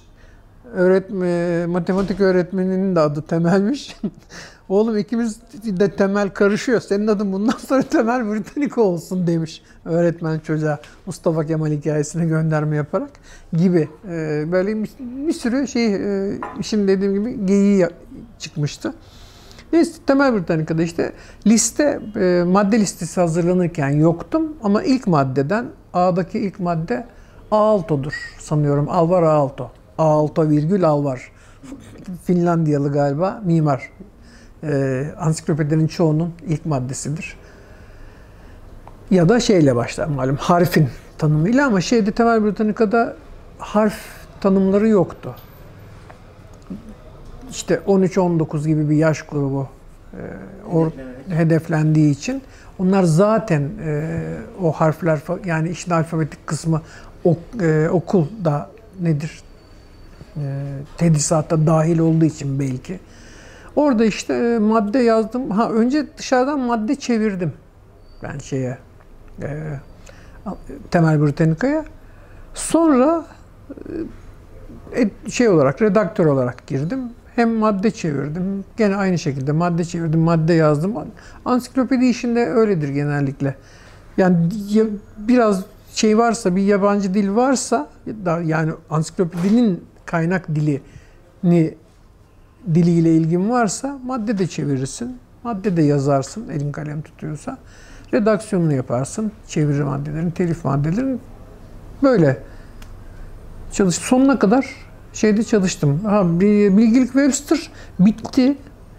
E, Amerikan tarzı çalışan bir ansiklopediydi o. Şeyle fasikül fasikül satılmıyordu. Yani her haftalık her hafta birer fasikül üzerinden gitmiyordu. E, bit- ön siparişler alınıyor. Ansiklopedi bittiğinden sonra ciltlenmiş olarak teslim Dağıtılıyor. ediliyor insanlara. Biz bitirdik ansiklopediyi. Ama matbaa ve cilt işlemlerinde bir takım gecikmeler oldu. Ee, şeyler, e, alıcılar siparişlerini iptal ettiler. Haklı olarak sinirlenip. Ve ansiklopedi yani şirket şeye girdi işte neydi? Eğitim Teşebbüsleri Limited şirketi. Tek patronluydu. Or- Limited şirketi olduğuna göre demek ki ortaklar var. Ee, Bay Papi, Peter Papi diye İtalyan ama galiba şey Levanten sanıyorum. Şey değil yani. Doğrudan İtalyan değil de İtalyan kökenli bir Levanten'di galiba Peter Papi. İlk adresi buralarda bir yerdeymiş. Tam bu Ergenekon Caddesi üzerinde olması lazım. Şetat İş Merkezi vardı. Şimdi otel oldu. Şehmus Tatlıcı'nın meşhur. Ee, ben, ben çalıştığımda şeydeydi. Ee, Alemdağ giderken Küçük Bakkalköy. Küçük Bakkalköy'de idi yeri. Neyse işte şey oldu. Bitirdik biz ansiklopediyi dediğim gibi. İşte de cilt ve işte baskı ve cilt işinde gecikmeler oldu. Şeyler, e, siparişler iptal edilince işte şirket bir sarsıldı falan. İlk e, akla gelen şey çözüm bu tür durumlarda eleman çıkarmaktır. Editoryal kadro aynen çıkarıldı. 2-3 kişi galiba ç- bir tür çekirdek kadro olarak bırakıldı. O velhasıl e, ve ansiklopedi yok benim elimde şu anda. Herhalde Galiba bir gazete, bir gazete dağıttı onu daha sonra. Hürriyet mi dağıttı? Sonradan e, şey gördüm. E, bir, bir gazete Milliyet bir galiba dağıttı. Birisi ya Hürriyet Ana Britannica'yı dağıttı, Milliyet'te Temel Britannica'yı Gene dağıttı. galiba. yok temel temel var temel var. Temel Diğeri, şey ve- oldu. Bilgilik Webster yok elimde. Hmm. İşin ilginci Ben hiç görmedim çalışırken bir takım vardı. Sonradan onu nasıl olsa size gelecek diye el koydular komik bir şekilde. ya yabancılaşma denilen olay, Marx'ın yabancılaşma dediği çok basit e, örneklerle görüyoruz aslında ya. Şeyde Yapı Kredi yayınlarında çalışırken ben şey, böyle bir şey yaşadım. Şey e, yap kendi yaptığımız, hazırladığımız kitaplar bizden esirgendi. Bu bir sürü yayın evinde falan da oluyor yani sadece Yapı Kredi ya da işte bilgilik Webster yani eğitim teşebbüsleri falan değil olay. Basbayağı esirgendi. Böyle dönemlerde oldu. Yani şey de oldu. Çaycısından e, işte bir genel müdürüne kadar herkese çıkan her kitaptan birer ö- veri, örnek verildiği zamanlar da oldu. E, kitaplara işte e, örnektir, satılamaz ya da işte Yapı Kredi Yayınları'nın ya da bilmem ne yayın evinin armağanıdır, satılamaz diye kaşe vurulduğu zamanlar da oldu. Şeyde e, dediğim gibi herkese çıkan her kitaptan verildiği zamanlar böyle bir garip dengesizlik. Ee, ansiklopedi ilk başladığınızda madde çevirileriyle başladığınızı söylemiştiniz. Ee, yani bir düzenli devam eden bir eğitim hayatınız olmadı. Evet. İngilizceyi nerede ve e, nasıl, hangi biraz daha niçin öğrendiniz? Yani birazdan bu İngilizce... Ha, niçin sorusu şeyde- özellikle güzel çünkü şey e, ortaokulda öğrendiğim İngilizceyi sonra devam ettirdim. E, Fono'nun mektupla öğrenim kursları vardı o zaman. Yani 70'lerde. Hala devam ediyor olabilir. Ama e, sonradan Fono bayağı yüz yüze kurslar da açtı bildiğim. O sırada sadece mektupla. Yani şeyin e, açık öğretimin özel versiyonu diyelim. Gerçekten kitaplar geliyordu size ve e, sınavlar var. Mektupla düzenli sınavlar yapılıyor. Sonra bir şeyde Fono'nun et şey Merter'deydi yanılmıyorsam. Merkezinde bayağı e, yüz yüze sınava giriyorsunuz en son. İşte e, birer yıllık kurslardı. İşte Almanca, Fransızca, İtalyanca falan vardı hatırladığım kadarıyla. Muhasebe vardı mesela. E, İngilizce kursu iki bölümdü. İki aşamalıydı. İki yıldı o, o dolayısıyla. Ona devam ettim. Ve e, sonradan fark ettim hakikaten iyi çalışmışım ben. Bayağı sıkı çalışmışım. Bir yıllık kursu çünkü süreyi kısaltabiliyordu. Süre, süre size bağlı. Sınavları çözüp gönderdikçe değişebiliyordu süre. Altışar ayda yani bir yılda iki, iki yıllık iki kuru bitirdim ben. O bir yere kadar getiriyor tabii ki ve pratik başka bir şey. Ee, dolayısıyla benim pratiğim hala zayıftır İngilizce'de. Konuşma pratiğim falan yok gibidir. Sonradan e, ufak ufak bir takım vesilelerle konuşma e, imkanım oldu. Ama tamamen kitabi bir İngilizce. Metin, işte dışarıda İngiltere'den mektup arkadaşlarım falan oldu mesela. Bir ara çok yaygındı o tür Evet. şeyler. Lisede benim de vardı. Ee, şey biri bayağı yaşlı bir e, emekli okul müdürüydü. İşte lise sanıyorum müdürüydü. O şey yazmıştı bana. Çoktan ölmüştür adamcağız Allah rahmet eylesin. Şey karısı biz mektuplaşırken ölmüştü. Bir süre mektup gelmedi. Sonra işte bir cevap bir şey yazdı bana. Eşim bu arada öldü diye. Şey e, çok kitabi dilin diyordu. Herhalde kitaplardan öğrendiğin için ben de onu yazdım. Hatta şey yazmıştım hiç unutmuyorum ya. Ee, bir e, 60'lar benim çocukluğum eşkıya haberlerinin çok yaygın olduğu yıllar. Hatta e, aynı anda aynı isimli ya da aynı takma isimli hem bir milletvekilimiz hem bir eşkıyamız vardı. Hamido diye. Bir eşkıya vardı. Bu Kemal Sunal'ın filminde de hatta Tabii, şey tabii. yapar yani. O doğru o yılların şeyidir çünkü izidir o. Ee, bir de Hamit Fendoğlu'ydu. Soyadı aklımda kalmış. Nasıl kalmış? Adalet Partili bir milletvekili. Demirel'in Adalet Partisi milletvekiliydi. Hamido deniyordu mesela ona da. Oralarda yani Güneydoğu'dan bir yerden geliyordu. Ee, hatta şey e, karıştırmıyorsam eğer e, bombalı paket e, şeyinden ne diyeyim kurbanlarından ilklerdendir galiba. Hmm. Bir bombalı paketle öldürülmüştü Hamit Fendoğlu. Hı, e, işte bir e, öğretmenlere ilişkin bir eşkıya fıkrası vardı. Onu yazdım. Bir mektubumda bu şeye e, mektup arkadaşıma müdüre çok hoşuna gitmiş. Bizde de durum çok farklı değil diyordu. İngiltere'de yani. Hmm. Fıkra şu. Güneydoğu'da bir yerde bir işte e, otobüs bir eşkıya çetesi durduruyor otobüsü. İnin aşağı. Eşkıyaların reisi de şey diyor. Sen necisin? Kadınla çocukları bir tarafa çekiyorlar. Onlara dokunmuyorlar. Erkeklere necisin? İşte atıyorum. iş adamıyım. Ver bin lira. Şeye göre yani cüssesine göre. Statüye göre. Statüye göre. İşte şeyim e, atıyorum e, işçiyim. Sen şu kadar ver. Ne bileyim işte şey falan. En, neyse böyle böyle böyle en sona bir adamcağız kalıyor. Sen necisin diyor. Öğretmenim diyor. Topladığımız paranın yarısını buna verin diyor. Reis. Öğretmen en şey durumda yani. Berbat durumda. E, bunu yazdım. Adam hakikaten çok hoşuna gitmiş ya. Her ne kadar hani bu kadar sizin kadar olmasa bile diyor. Bizde de öğretmenin durumu şeydir. Benim oğlum e, ne diyordu adam? Bir şey unuttum şimdi mühendis gibi bir şey.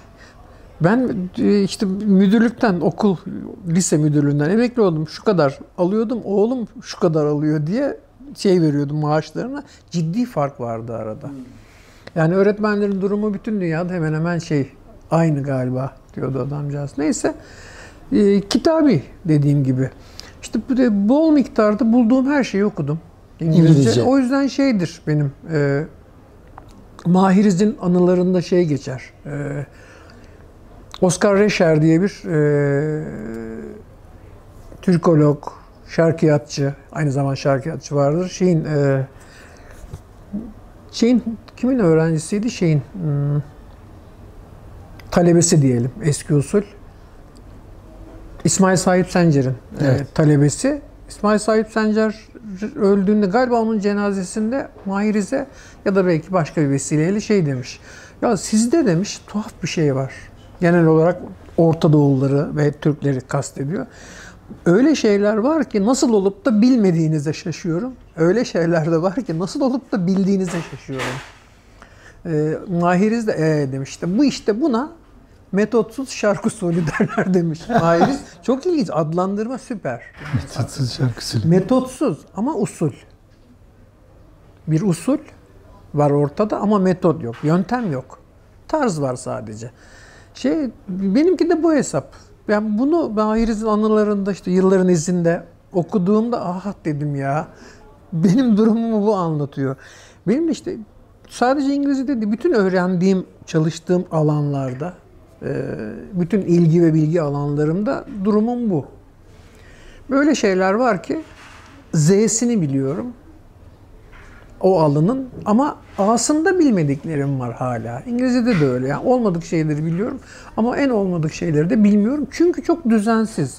Bir e, akademik bir disiplin, bir eğitim, öğretim disiplininden gelmediğim için tamamen e, kendi çabamla öğrendiğim için şey işte, gerekçe şu. Evet, sizi O- motive eden şey neydi? Motive eden şu. e, Shakespeare'in güleceksiniz ama Shakespeare'in sonelerini çevirebilmek için İngilizce öğrendim ben. yani İngilizce öğrenmeyi sürdürdüm. Shakespeare e, Yunus'un yani Yunus Emre'nin tabii ki divanını işte o eski yazıdan diyeyim okuyabilmek için Osmanlıca öğrendim. Komik bir şekilde hala bir Yunus divanının tamamını görmüş değilim, okumuş değilim Osmanlıcasını. Ee, Shakespeare'in soneleri diyeceksiniz. Bir tane sonesini taslak halinde çevirdim duruyor. O şey seni bir yaz günüyle kıyaslamak mümkün mü falan der ya. O soneyi Çıt taslak halinde duruyor. O Niye kadar. Shakespeare Ama sonesi? baş- ya sanıyorum zirve olarak gördüğüm için dikkat edin. Bir tarafta Yunus var bir zirve, bir tarafta Shakespeare var bir zirve. Ee, şu da beni etkilemiş olabilir küçük bir ayrıntı. Bir ara demiştim ya hani e, Özcan Bey okuma ve kitaba yönelme konusunda beni farkında olmadan ben de farkında olmadan elbette yönlendirmiş olabilir ya da küçük bir yönlendirmeler, küçük yönlendirmelerden biri olmuş olabilir diye. Burada da galiba şey var. Can Yücel'in e, bir şiirinde şey geçer. Aleme nizam verirken haytalar Shakespeare'le Yunus yan yana yatarlar der. Yani ikisini yan yana getirmiş iki zirveyi. Bu da dolaylı olarak farkında olmadan beni işlemiş olabilir. Yani kafamda işlemeye devam etmiş ve Shakespeare, Yunus ama e, galiba anakronik bir durum oldu. Çünkü bu şiiri ben yani İngiliz, işte Osmanlıca ve İngilizce öğrenmelerimden sonra öğrendim. Çakışmış sadece. Yani dolayısıyla bu beni etkilemiş olamaz başlangıçta. Bu şiiri sonradan öğrendim. Sizdeki duyguya denk düşmüş. bilmiş, denk gelmiş evet. Gönlümüz birmiş. Biraz belki Shakespeare merakı, ilgisi Evet. Can Yücel okumaya götürdüğü için o açıklamayı orada o aramış olabilir, olabilirsiniz. O olabilir. Tam tersine evet. O, O da iyi çevirir ama. tabii Değil canım ya. Belki Yani şey- çevirme isteğiniz biraz onları okuduktan sonra da şey almış olabilir. Olabilir. Yani gerek Ya görmemiş şey- olabilirsiniz. Hem İlk çevir... Yun- Yunus gibi biraz böyle iyi arı bir Türkçe kullanır hem de iyi Shakespeare çevirir. Evet. Belki o mu size acaba olabilir. şey yaptı. bir de şey duygudaşlığa it- İşin ilginci öte yandan e, ilk çevirdiğim şiir hala e, çeviremediğimi düşündüğüm bir şiir. Üstelik son derece sade, yalın bir şiirdir. Kimindi? Bir İngiliz'in, yani eskilerden biri. Ok ve Şarkı diye bir şiir. İki dörtlük. Birinci dörtlükte şeyi anlatıyor. Çok yalın bir şeyle işte I shot on a row into the air diyor. Havaya bir ok attım diyor. Bu kadar basit. İşte düşmedi diyor. İşte bir süre sonra diyor şeyde bir ağacın gövdesinde bütün olarak buldum diyor. Hani herhangi bir zarar görmemiş olarak buldum. Sonra ikinci kıtada da ikinci dörtlükte de bir şarkı söyledim diyor. İşte havaya bir şarkı saldım gibi bir şey. Ondan sonra işte o da kayboldu diyor. Yıllar sonra bir dostun yüreğinde buldum onu diyor. Bu kadar yalın bir şey. Çok şey hakikaten e, sade İngilizcesi. O sadelikle aynı e, ve aynı sağlamlıkla çevirmek imkansız neredeyse. Havaya bir ok attım. Ya bu kadar başka bir şey diyemezsin ki. En fazla söz dizimiyle işte bir ok attım havaya gibi yani yer değiştirmeler yapabilirsin. O da sakıncalı olabilir. Örneğin şimdi söylerken daha bir ok attım havaya derken bir taş attım havaya düştüm hapishaneye. Türkü aklıma geldi. Bunu buna gönderme yap, e, yapma ihtimali bile mesela çeviriyi sakatlar gibi geliyor bana. Yani e, yanlış yerlere yönlendirmemeli. Bir tür e, çeviri kuramına giriyoruz ama farkında olmadan. Şey e, dediğim gibi niyet buydu başlangıçta. Yunus okuyabilmek, dolayısıyla Yunus'u dil içi çevirebilmek, yani e, transkripsiyonunu yapabilmek için Osmanlıca Shakespeare, özellikle soneleri ama oyunları falan değil. Sonelerini çevirebilmek için de İngilizce. Sonra başka yerlere gitti iş. İşte Blake çevirdim, e, Borges çevirdim falan ama dediğim gibi Shakespeare bir tane Sone'nin taslak çevirisi olarak duruyor sadece. Hangi sone? Hatırlıyor Ama musunuz? şey 26'dır galiba. 26. sonedir yanlış hatırlamıyorsam. İşte seni dedim ya seni bir yaz gününe kıyaslamak, günüyle kıyaslamak ne mümkün. Sen daha çok daha güzelsin sen falan der ama şu anda hatırlayamayacağım, söyleyemeyeceğim. Çünkü e, o şiirin bütün çevirilerini gördüğüm, okuduğum için sürekli ezberler birbirine giriyor. Kendi çevirimi okuduğumu zannedip Talat Hoca'nın çevirisini rahmetli Talat Alman'ın çevirisine geçebiliyorum mesela. Eyvallah. Benzeyen yerleri de var. Çeviri ki. biraz sizi yani o muhabirlik, e, redaktörlükten yavaş yavaş masanın diğer tarafına doğru taşıyan bir galiba. şey oldu. Biraz ansiklopedileri e, konuşmak istiyorum. Yani bu 1980'ler Evet, ansiklopedi furyası. Ansiklopedi çağı. yani çağı çok sayıda doğru, ansiklopedi doğru, doğru. şey yapılıyor ve bir yayıncılıkta da böyle bir dö- dönüşümü sağlayan da e, türler Doğru. ansiklopediler. Yani o biraz da e, gazeteyle eklemlenmiş. Ha evet. hafif fasikül fasikül yayınlanıyor. Biraz magazinle e, özdeş. E, bir tarafıyla ama bir bilgi üretimi söz konusu ansiklopedinin içinde. E, orada e, ayrıca bir e, akademiyle geçişlilik söz konusu. Ya bunu biraz Bir de şeydir siz- zaten. Bak e, akademiyle geçişlilik dediğin şey e, o işte 80 sonlarındaki özellikle 80'lerdeki diyeyim kabaca e, ansiklopedi furyasındaki e, editoryal kadroların büyük bölümü şeydir. E, akademik kökenlidir. O da şuradan çünkü 1402 diye bir bela Tabii var. üniversiteden atılmış, At- ayrılmış. Sakalı kaptıranlar şeydi çünkü e, hocalara sakal yasağı gelmişti. Basbayağı. Yani çok az insan kesmedi sakalını. e, Yani akademiklerin içinde. Mete Tunçay mesela. Mete Hoca kesmeyenlerden biriydi bildiğim kadarıyla. Hiç hiç kesmedi. E, ve şey oldu tabii. Kesmeyen atıldı. Başka gerekçelerde tabii. Yani şey işte e, 15 Temmuz sonrası bir sürü insan KHK şeyinde bir sürü insan yani kurunun yanında yaşın da yanması gibi şeyler de oldu. Ama e, o sırada galiba biraz daha netti durum hatırladığım kadarıyla. Yani e, bir de tabii 12 Eylül Lün e, muhalifi hemen hemen düşünen herkes 12 Eylül muhalifi olmak durumunda, zorunda olduğu için 12 Eylül muhalifi daha fazla. Dolayısıyla 1402 devreye girdiğinde üniversiteler durma düzeyine geldi neredeyse. Ve bu insanların büyük bölümü ansiklopedi kadrolarında yer aldı. Yani şey dışından çok azdır e, benim gibi tamamen yani kenardan e, neredeyse yoldan geçerken ansiklopediye giren diyeceğim. Şey e, bu arada Özcan Bey e, kurulda benim için kavga etmiş demiştim ya ilkokulda 5. sınıf öğretmenim şey e, Milliyet'in bilgi kültür yarışmasına gitmemi sağlayan hoca.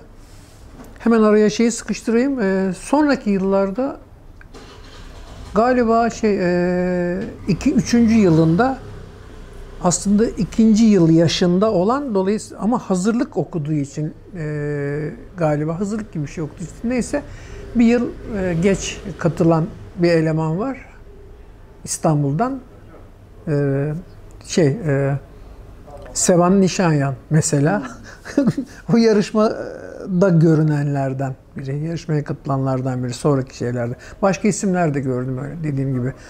Ha şeye gelirsek e, kurulda kavga etme.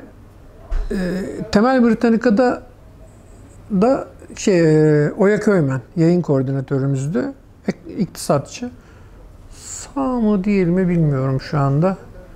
E, Oya Köymen de e, benim için kurulda kavga eden, öyle formüle ediyorum. Benim için kurulda kavga edenler diye ikinci kişi. Ansiklopedinin bitimine yakın belki de maddeleri bitirmiştik artık. E, odasına çağırdı beni. Aynı salondaydık zaten. Şey, e, Selahattin sana bir şey söyleyeceğim ben dedi. Buyurun hocam dedim. Ben dedi şey diyebilirdim hep. Hani her şeyin, her mesleğin alaylısı olur. Çevirmenliğin alaylısı olmaz. Sen beni yalancı çıkardın dedi. yani yanıl, yanıldığımı gösterdin anlamda. Yanıl çıkardın. Yani şey bir yana hani redaksiyon, redaktörlük kısmı bir yana çünkü çatı çatı çeviri yapıyorum. Ben de çeviriyorum şeyde. Çevirmenin de alaylısı oluyormuş. Ben sende onu gördüm dedi. Sonra iyi ki dedi senin için kurulda kavga etmişim. Nedir hocam dedim. Şey e, yayın kurulunda ya ne işi var bu çocuğun burada demişler. Çünkü işte doktoralı insanlar var orada. Aynı beraber çalıştık. Kadroda beraber çalıştım. Yok doktoralılar var. Atıyorum işte masterlılar, çift masterlılar bilmem neler falan var. Yurt dışı Arada bir eğitimliler. tane de evet yurt dışı eğitimli. Arada bir tane ortaokul mezunu ben varım. Ya ne var bu çocukta? Aynı Özcan Bey'in senelerce önce söylediğine benzer bir şekilde bu çocukta başka bir şey var demiş o yanında. Sağ olsun. Ya da Allah rahmet O, o ansiklopedilerin böyle çalışma düzenini e, biraz o Türkiye'deki kültür, Hemen, kültür e, ortamına, tamam. yayıncılık ortamına kattıklarını biraz Hemen e, e, şey yapmadan ansiklopedi demişken e, yani daha doğrusu kurulda kavga etmeyin demişken hemen şey e, üçüncü benim için kavga edeni söyleyeyim o da Enis Batur. Yapı Kredi yayınlarında yani işte Yapı Kredi yayınlarında ben ortaokul mezunu olarak girdim. Yapı Kredi yayınlarındayken şeyde başlamıştım. E, Temel Britannica şey Tabii galiba Temel Britannica'da dışarıdan dışarıdan lise bitirme sınavlarına girmiştim. İki yılda bu arada şeye gir galiba. Yok pardon temelden sonra herhalde. Başlamıştım sınava. Şeydeyken bitirdim. Ee, Yapı Kredi'deyken. Yapı Kredi'deyken bitirdim. Ortaokul mezunu olarak girdim ve bana koskoca e, şeyde ana yayıncılıkta da kimse ne mezunusun sen de diye sormadı. Şeyde de e, çünkü bir yasal zorunluluk yok basın Kartı kartı gibi. meselesinde olduğu gibi. Ve bir de e, sanıyorum insanlar hakikaten işine bakıyorlardı senin. E, bir süre sonra isim de oluşuyor tabii. Tabii. Şey, e, Referanslar oluşuyor. Tabii yani şeyde de Enis Batur ne için kavga etmiş? ha e, o da e, ben şey olarak başladım Yapı Kredi yayınlarında. Part time düzeltmen olarak. Yıl e, 1900 kaç? 90 tabii 93. E, çeviri yaptım. Anla Kavan'dan buzu çevirdim. Onu teslim ettim. O gün Enis şey dedi, bize part time düzelti yapar mısın dedi. Çünkü e, işte 93'ün Ekim'i e, hem Cumhuriyet'in hem tabii Cumhuriyet'in 70. yılında armağan olarak Sehame Ray'ın rahmetli işte Fransızcadan çevirdiği Lozan belgeleri, Lozan Barış Konferansı'nın belgeleri tutana kadar kocaman 7 cilt mi 8 cilt mi nedir? Onun e, onun çıkması lazım Ekim'e ve düzelti yapılacak. E, bayağı erken bir hastalıktan galiba öldü. Şair e, Cenk soyadını birdenbire unuttum. Cenk aa, Tohumcu muydu? Galiba Cenk Tohumcu unuttum şimdi. Onunla beraber part time düzeltmen olarak e, Lozan'ın düzeltini yaptık. Bir süre sonra işte şey süre yetmeyeceği, sürenin yetmeyeceği görüldü. Full time'a geçtik. Sonra kadroya geçtik. Sonra bir gün Enis bana ama ufak ufak ben ed- editörlük yapmaya başladım. Düzelti, düzeltmen olduğum halde şey dedi, e, baya yani kaç 95 falan oldu herhalde bu arada zaman ya da emin değilim neyse ya da belki 94. Ee, ben dedi senin editör olmanı istiyorum ama dedi kurulda, yayın kurulunda istemeyen arkadaşlar var. Biliyorum dedim kim olduklarını. Çünkü hakikaten tahmin ettiğim insanlar ve şey değil, e, kötü niyetli değiller. Benim için, benim adıma e, endişelendikleri için istemiyorlar. Editör olmamı yapamayacağımdan korkuyorlar. Ben tahmin ediyorum kimler olduğunu dedim ama iyi niyetli olduklarını da biliyorum. Tamam dedi, sen bekle dedi. Bir süre sonra editör oldum. Sonra işte zamanla şef editör oldum falan. Ee, eskidikçe, tecrübe sahibi oldukça diyeyim. Ee, ha işte e, senin için kurulda kavga ettim demişti enişte. O yüzden öyle bir şeyim var. Hayatta benim için kurulda kavga eden üç kişi oldu. Üç kavga. Üç kavga. bir editör Ama diyelim. be- benim, e, ve ama hayatımı belirleyen, etkileyen, e, yönlendiren olaylar bunlar. Bunlar şey benim dışımdaki şeyler. Yani benim e, asılmam, çabalamamın dışındaki yanları işin. Yani e, ne diyeyim? Objektif e, şeyler, o koşullar, objektif hareketlendiriciler hayatımdaki. Ansiklopedilere dönecek olursak buraya geleceğiz tekrar. Evet. Hı. Yani o 80'lerin ansiklopedi dünyası, o yayınlar Ya- ne kattı sizce Türkiye'nin kültür ortamına, Ya, yayıncılık ortamına? Şey, e, bir e, editoryal, e, ansiklopedilerdeki editoryal kadrolarda yer almış olan insanların ciddi bir e, donanımı oldu. Bunu biliyorum kendimden ve e, o sırada ansiklopedilerde çalışmış insanlardan. Yani ya, e, çok önemli isimler geçmiştir. Yani ben hiçbir şey değilim o isimlerin yanında. Şimdi mesela Hilmi Yavuz, işin Fransızca cephesinde Hilmi Yavuz e, eh, Tamer Erdoğan e, şey söyle şunu e, Larus gelişim Larus tayfasıdır bunlar. Önceki attı yani olay biliyorsun 60'larda aslında başlıyor. Meydan Larus'la birlikte. Meydan Larus'un kadrosu efsane bir kadro. Bugün bakınca hem yazarları hem çevirmenleri hem e, şeyleri redaktör kadrosu, editoryal kadrosu. Ee, ya tek tek isimler gelmiyor aklıma ama yani hakikaten hem o dönem için hem daha sonrası için e, çok önemli isimler. E, sonra işte Ana Britannica'nın yıllarında yani 80'lerde gelişim Larus var. İşin dediğim gibi Fransızca e, cephesinde. Orada gayet ön- önemli isimler. E, bu insanların büyük bölümü e, şey bile olsalar, akademik bile olsalar, yani işte üniversitede hoca falan da olsalar, aynı zamanda ciddi entelektüel donanımı olan insanlar, edebiyatla ilgili olan insanlar, en şeyi bile, yani bugün ciddi ciddi edebiyatla ilgilenen e, edebiyat fakültesi hocası bile az oranladığımızda. Ama o sırada yani işte sosyoloji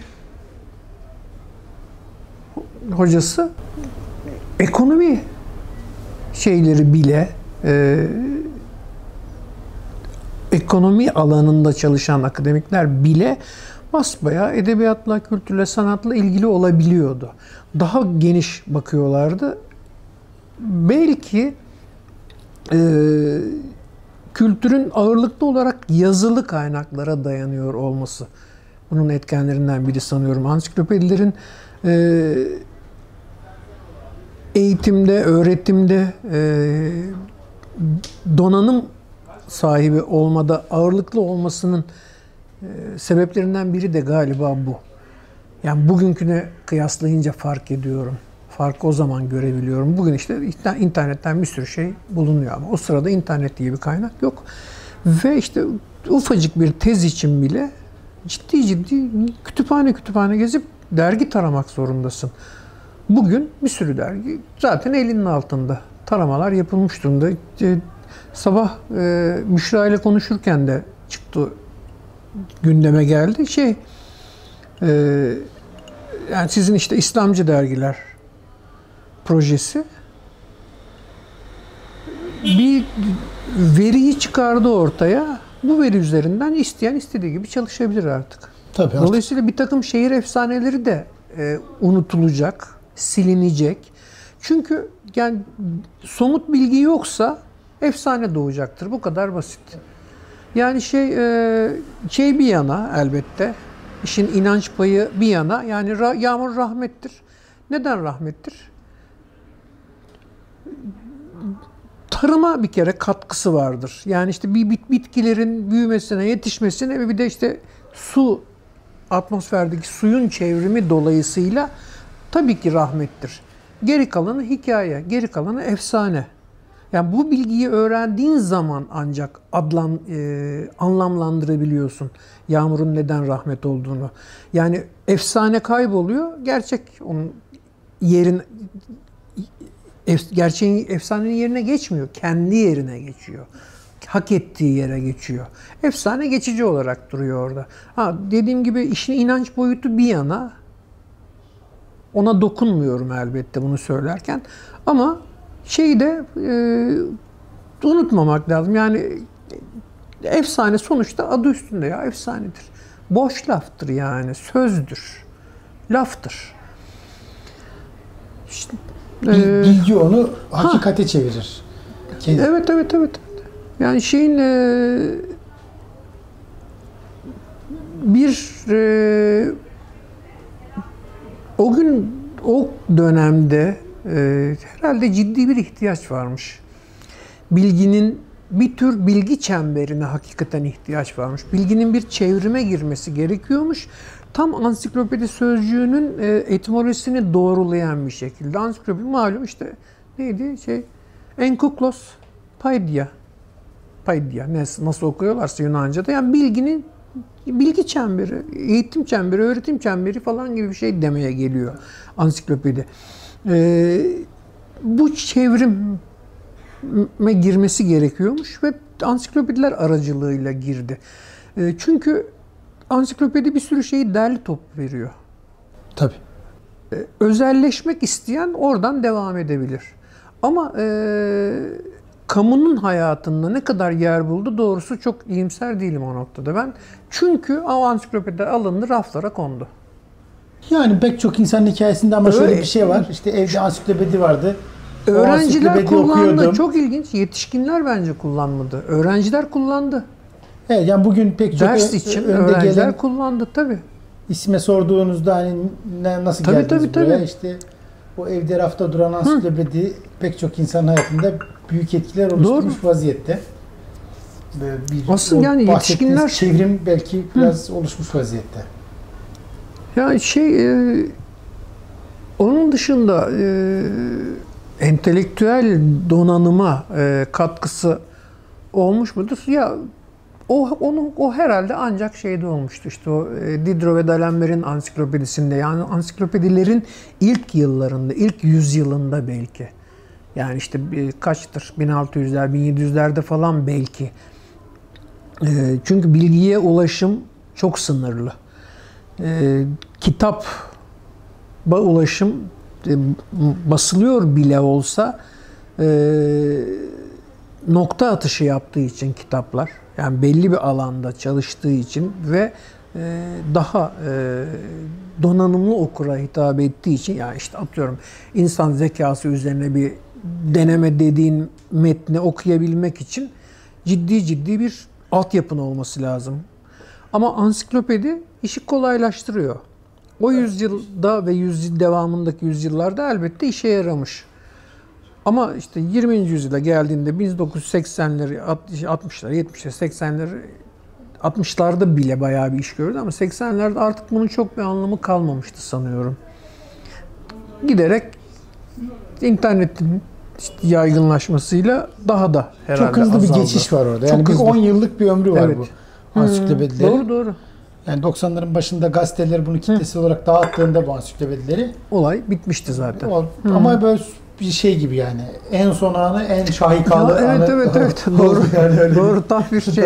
O televizyonlarda boy boy reklam. Kuğu'nun son şarkısına döndü iş. Kuğu'nun Evet. son şarkısı gibi şahikası Evet. bol bir düşüş Hmm. oldu. Yapı krediden biraz isterseniz devam edelim. Yani işte musahih olarak, düzeltmen olarak e, çeviri ile Evet. başlayan bir macera var. Cenk Sonra Koyuncu şimdi hatırladım. peyderpey basamak basamak gidiyor. Evet. Allah rahmet eylesin Cenk Koyuncu'ya da. Ya evet hakikaten Ee, çok erken öldü. Basamak basamak gidiyor. O hikayeyi biraz anlatabilir misiniz? Yani o geçişler nasıl oldu, Hmm. nasıl e, işledi? Ya ister istemez gene tabii kendi üzerimden Tabii ki anlatacağım. sizin Olabil- hikayenizi dinlemek Becerebildiğim kadar e, bütüne e, yaymaya çalışarak şey e, dediğim gibi işte yani Lozan e, Belgeleri. belgeleri belgeleri ve tutanaklarıydı galiba. Ee, onun işte düzeltisi için başladım. İşte 15 Mart 1993 günü Anna Kavan'dan yaptığım buz çevirimi teslim ettim. O gün Enis'ten iş teklifi aldım. Bize part time düzelti yapar mısın diye. Tabii yaparım dedim. İşte bir buçuk yıldır galiba işsizdim. O ves ya rahatlıkla zaten buzu çevirebilmiştim. Ondan sonra şey e, ne zaman geleyim dedim. Yarın gel dedi. Çok acil çünkü işe hemen başlanması lazım. Neyse girdim. Dediğim gibi sonradan e, yetişemeyeceği görülünce e, sürenin full time'a geçtik. Derken kadroya geçtik. Cenk de ben de. Sonra bir süre sonra editör oldum. Demin araya sıkıştırdığım e, hikaye şey e, Enis'in e, yayın kurulunda benim için ettiği kavgadan bir süre sonra editör oldum. Sonra işte eskidim, e, şef editör oldum. 2009'da Yapı Kredi'den e, bir tensikat yapıldı. E, o klasik e, numara vardır ya, pahalıya mal olan eski elemanı çıkarırsın, yerine ucuz yeni eleman alırsın. Onu yapmadılar. Yani yiğidi öldür hakkını ver. Hakikaten 8 kişi çıkarıldı. Şirket küçülmeye gidiyordu. İşte o BDDK'ya devri falan yapılmıştı malum. Sıkıntılı zamandı. İşte el değiştirdi, koç aldı falan. Ee, yani her an zaten e, koç kapadı kapayacak gibi bir durumdaydı. Kapamadı Allah'tan. Ee, şeyi Yapı Kredi yayınları yani tamamen lağvetmesi bile bekleniyordu o sıralarda. Ee, işte ne diyordum? O ara emekliye ayrıldınız herhalde. Ha 2009 daha önce ben emekli olmuştum. Yani bay sigortam eski olduğu için o avantajlı da emekli olmuştum. Ee, işte 2009 dediğim gibi 8 kişi çıkardılar. Kaç? 3 editör, 2 düzeltmen, işte 3 kişi de muhasebe, pazarlama ve halkla ilişkilerden eski elemanlar. Tamer abi de mesela editörlerden biriydi benimle beraber ayrılan Tamer Erdoğan. Ondan sonra ee, ve yerimize ye- hakikaten yeni eleman alınmadı onu biliyorum. Çünkü gerçek bir küçülmeydi. 2009 1993'ten işte 16 yıl kesintisiz. Arada tabii ki yani e, her zaman şeker şerbet değil. E, yani istifa niyetleri, istifa dilekçeleri falan da döndü arada. Hatta bir tanesinin nasıl bir nereye gelmişse şirket ne olmuşsa şimdi ayrıntı hatırlamıyorum ama yani şey, bayağı e, üzücü, personeli kırıcı bir şeylerdi. Besbelli ki bir istifa e, dilekçesi yazmıştım elle ve sinirle. Ondan okunmayacak bir halde ben biliyorum. Zaten yazım kötüdür. İşte e, bizim bulunduğumuz editörler odasının dergiciler odası. Ben dergici değilim ama o sırada e, işte sanat dünyamız kitaplık ve şeyin Kogito. e, Kogito'nun editörleri ile ben ve bir arkadaş daha vardı galiba. Aynı şeydeydik. Odadaydık. Hatta rahmetli Mustafa Irgat da son zamanlarında aynı odadaydı. Beraber çalıştık. Ee, işte neyse hemen yan oda müdürümüzün odası, genel müdürümüzün odası. Enis de onun yanında. O sırada müdür kimdi unuttum. Şey olabilir. E, takma isimli spor yazarlığı da yapardı ilginç bir şekilde. Akşam gazetesinde galiba. Unuttum şimdi adını. E, onun odası Enis de orada. Gittim pat koydum masaya şeyi. Biraz sonra Enis çağırdı. Hiçbir şey söylemeden çıktım. Döndüm odaya. Selo geldi. Ne bu dedi? İstifa edeceksin dedim. Ya biz bunu okuyamadık. Sen bunu al, otur çalışmaya devam et. Hani sakinleş anlamı. Neyse sonra sakinleştik, konuştuk falan. Devam ettim.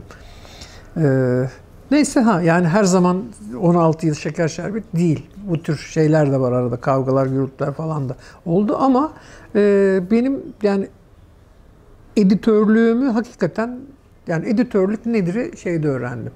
Yapı Kredi yayınlarında kitap editörlüğünü öğrendim diyebilirim. Ama metin üzerinde çalışmayı daha e, şeyde bilgilik Webster'da ve Temel Britannica'da yavaş yavaş öğrenmeye başlamıştım. Oradaki deneyimimden hareketle ansiklopedi deneyiminden geçmiş o dönemi bilen e, ve sonradan işte şeyde e, kitap işinde çalışan tanıdıklarım, arkadaşlarım. Mesela Ahmet Cemal ile beraber çalıştım bir süre ben Yapı Kredi yayınlarında. Oh ne kadar eskimişim. Ee, sözünü ettiğim pek çok insan için rahmetli demek durumunda kalıyorum. Allah rahmet eylesin. ya evet. Hepsine. Hay bir yandan da şey, e, şeyi hatırlıyorum şimdi ya. Varlık dergisinin bininci sayısı için mi? İşte atıyorum ya da işte 50. yılı için mi? 33 olduğuna göre 93, 50. yılı için olabilir. Yet- Pardon. yet- 60. 60. yılı yıl. için şey e, Yedi Meşale'de kim var şey edebiyatçı ve edebiyat tarihçisi asıl adamcağızın adını unuttum. O e, son ekip elemandı ve varlığın ilk yazarlarından Yedi Meşale'den kalan son kişiydi. E, Pera Palas'ta hiç unutmuyorum bir gece yapılmıştı. Gece ya da akşam işte neyse. Orada bir konuşma yapmıştı. Şey demişti. Ya kimse kalmadı arkadaşlarımdan. Tamam ben yaşıyorum buna seviniyorum ama yalnız kaldım. Tek başıma Yok siz kaldım. daha, siz daha o yaşta değilsiniz canım. O, o geldi. O, o yaşta değilim tabii de. Yani o geldi aklıma şimdi. Neyse. Şey e, ha e, işte Ahmet Cemal e, şey Sevin Okyay hem beraber hem de işte o ansiklopedi dönemini bilen ve o dönemde yer almış insanlar işte Hilmi Hoca gibi insanlardan da insanlarda da gördüm. Bir çok özel bir disiplin edinmişiz biz ansiklopedide. Bir kere bilgiyi edinme disiplini edinmişiz. Tuhaf oldu ama ifade. O da şu. Bilgilik Webster'da çalışırken e, de ansiklopedinin reklamı yapılacak. Biz de bir şeyler hani e, brief, malzeme e, desteği anlamında bir şeyler yapalım dedik. O sırada ben şöyle bir şey buldum. E, Samuel Johnson, Amerikalı mıdır, İngiliz midir? E, Amerikalıdır. Şey İngilizdir. İng e, Oxford English Dictionary öncesi İngilizce öncesindeki İngilizce sözlüğün yazarıdır. En hacimli şey olanın ve eski usul tek kişilik sözlüktür bu. Yani tek kişinin hazırladığı. Tıpkı işte şeyin e, Şemsettin Sami'nin hazırladığı Kamus. sözlükler gibi, Kamus Türkiye gibi, Kamus Fransevi gibi şeydir. e, Tek kişilik sözlüktür. Dolayısıyla yazarının adıyla anılan sözlüklerdendir. E, hı, e, şey onun söylediği bir söz var. Diyor ki e, şey iki tür bilgi vardır diyor. Ya bir şeyi bilirsiniz ya da onun hakkındaki bilgiyi nerede bulacağınızı bilirsiniz. Bu benim için hakikaten düstur haline geldi o günden beri hayatta. Yani her şeyi bilme imkanı zaten yok. Hiçbir ölümlüye nasip olmaz bu. Olmayacak da. O zaman şey çalış. Bilgiyi nerede bulacağını bilmeye, öğrenmeye çalış. Zaten bunu öğreniyorsan bilgiyi bi- öğrenirsin. Yani ben şunun hakkındaki bilgiyi nerede bulacağımı öğrendiysem o bulurum zaten. Oraya giderim. Ya e, işte bunu fark ettim. İşte bilgi edinme yöntemi edinme dediğim bu. Donanımı edinme, disiplini edinme dediğim bu. E, o ansiklopedi kuşağında, belki kuşaklarında 60'lardaki yani Meydan Larus'la başlatırsak araya en az iki kuşak, ya iki ya da üç kuşak söz konusu arada. Yani hakkı devrimlerden başlatırsak işi. Ee, bu insanlar hele bir de e, bugünkü gibi internet falan da olmadığı için tamamen yazılı kaynaklardan çalışmak zorunda oldukları için her şeye bilgi muhtemel bilgi kaynağı gözüyle bakmayı öğrendiler. Yani bir tür benim şöyle bir formülüm var. Yani editörlük atölyelerimde de sürekli söylediğim şey o öğrencilerime. Ee, çöp bilgi yok aslına bakarsanız. Elbette var. Ama e, çöp bilginin çöp olup olmadığını zaman içinde öğreniyorsun sen. İşe yarayıp yaramayacağını seziyorsun bir yerden sonra. Bir tür e, öz disiplin, neredeyse bir tür tik geliştiriyorsun. Ve yani şunu gördüğünde şöyle bir karıştırman neredeyse e, şey ne diyeyim e, fizik ötesi gibi ama değil. Basbayağı açıklanabilir bir şey bu. Bu kitaptan edineceğin bir şey olup olmadığını sana gösterebiliyor. Ama bu zaman içinde edinilen bir şey. Dolayısıyla bu bilginin çöp mü yoksa gerçek yani işe yarar bilgi mi olduğunu zaman fark ediyorsun bir yerden sonra. Bu noktada ben şey diyorum işte çöp bilgi yok. Ee, şey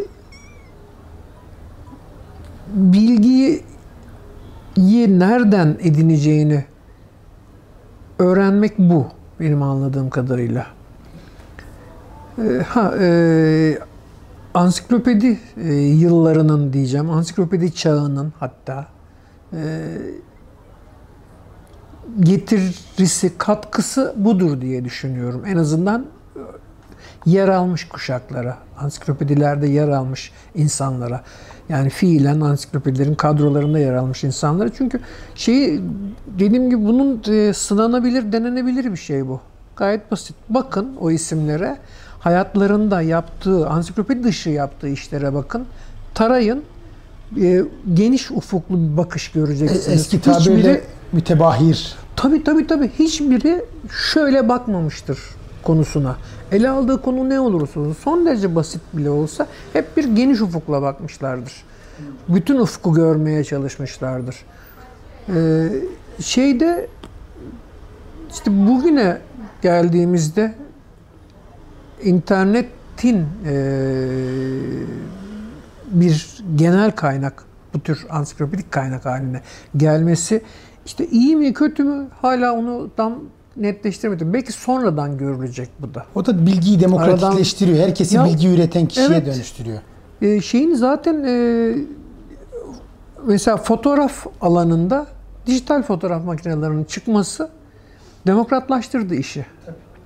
Bir ölçüde ucuzlattı. Ucuzlattı derken ulaşıla mali anlamda ulaşılabilirliğini düşürdü. Elbette kalite farkı olacak. Yani işte bilmem kaç e, milyon pikselli makineyle şeye e, alaminüt eskinin alaminüt makinelerinin karşılığı olan bugünkü küçük dijital makinelere aynı parayı vermeyeceksin tabii ki. O fark var. O fark hep olacak. Olmalı da zaten. Kalite farkı şöyle olmalı. Ama e, yani en azından işin temelinde şuradaki insanla buradaki insana bir tür e, demokratikleştirme, demokrat anlamda eşitledi dijital olması işlerin. E, bir olumsuz yanı var şu yani e, neydi? Şeyin adını unuttum. Bir Amerikalı fotoğrafçı şeyi vardır e, ha e, Ansel Adams. E, siyah beyaz işte 30'lardan 60'lara kadar falan herhalde siyah beyaz büyük format e, ve Amerika'nın e, tamamen e, nesi diyeyim taşrasında şeyler e, işte dağlar, ufuk, bulutlar falan diye ve insansız fotoğraflar. Büyük e, format dediğim gibi büyük manzara fotoğrafları çıkıyor. Siyah beyaz ve ama hepsinde çok e, kuvvetli bir kontrast vardır. Bulutlar patlar mesela görünür. Yani göğün mavi olduğunu anlarsın. Bulutların beyazlığını anlar işte. Dağların kahverengisini, morunu falan görürsün. E, ve bu adam e, dijital öncesi e, şey nedir? E, filmli fotoğraftan, analog fotoğraftan söz ediyoruz. Bu adam bir. Bir kere Allah bilir gecelerce o arazide yatıyor. Doğru ışığı, doğru zamanı, e, şey, doğru rüzgarı, kolluyor, sonra çekiyor. Sonucun ne olacağını bilmeden, yani bilmeden derken sonucu gözünde görmeden çekiyor filmle.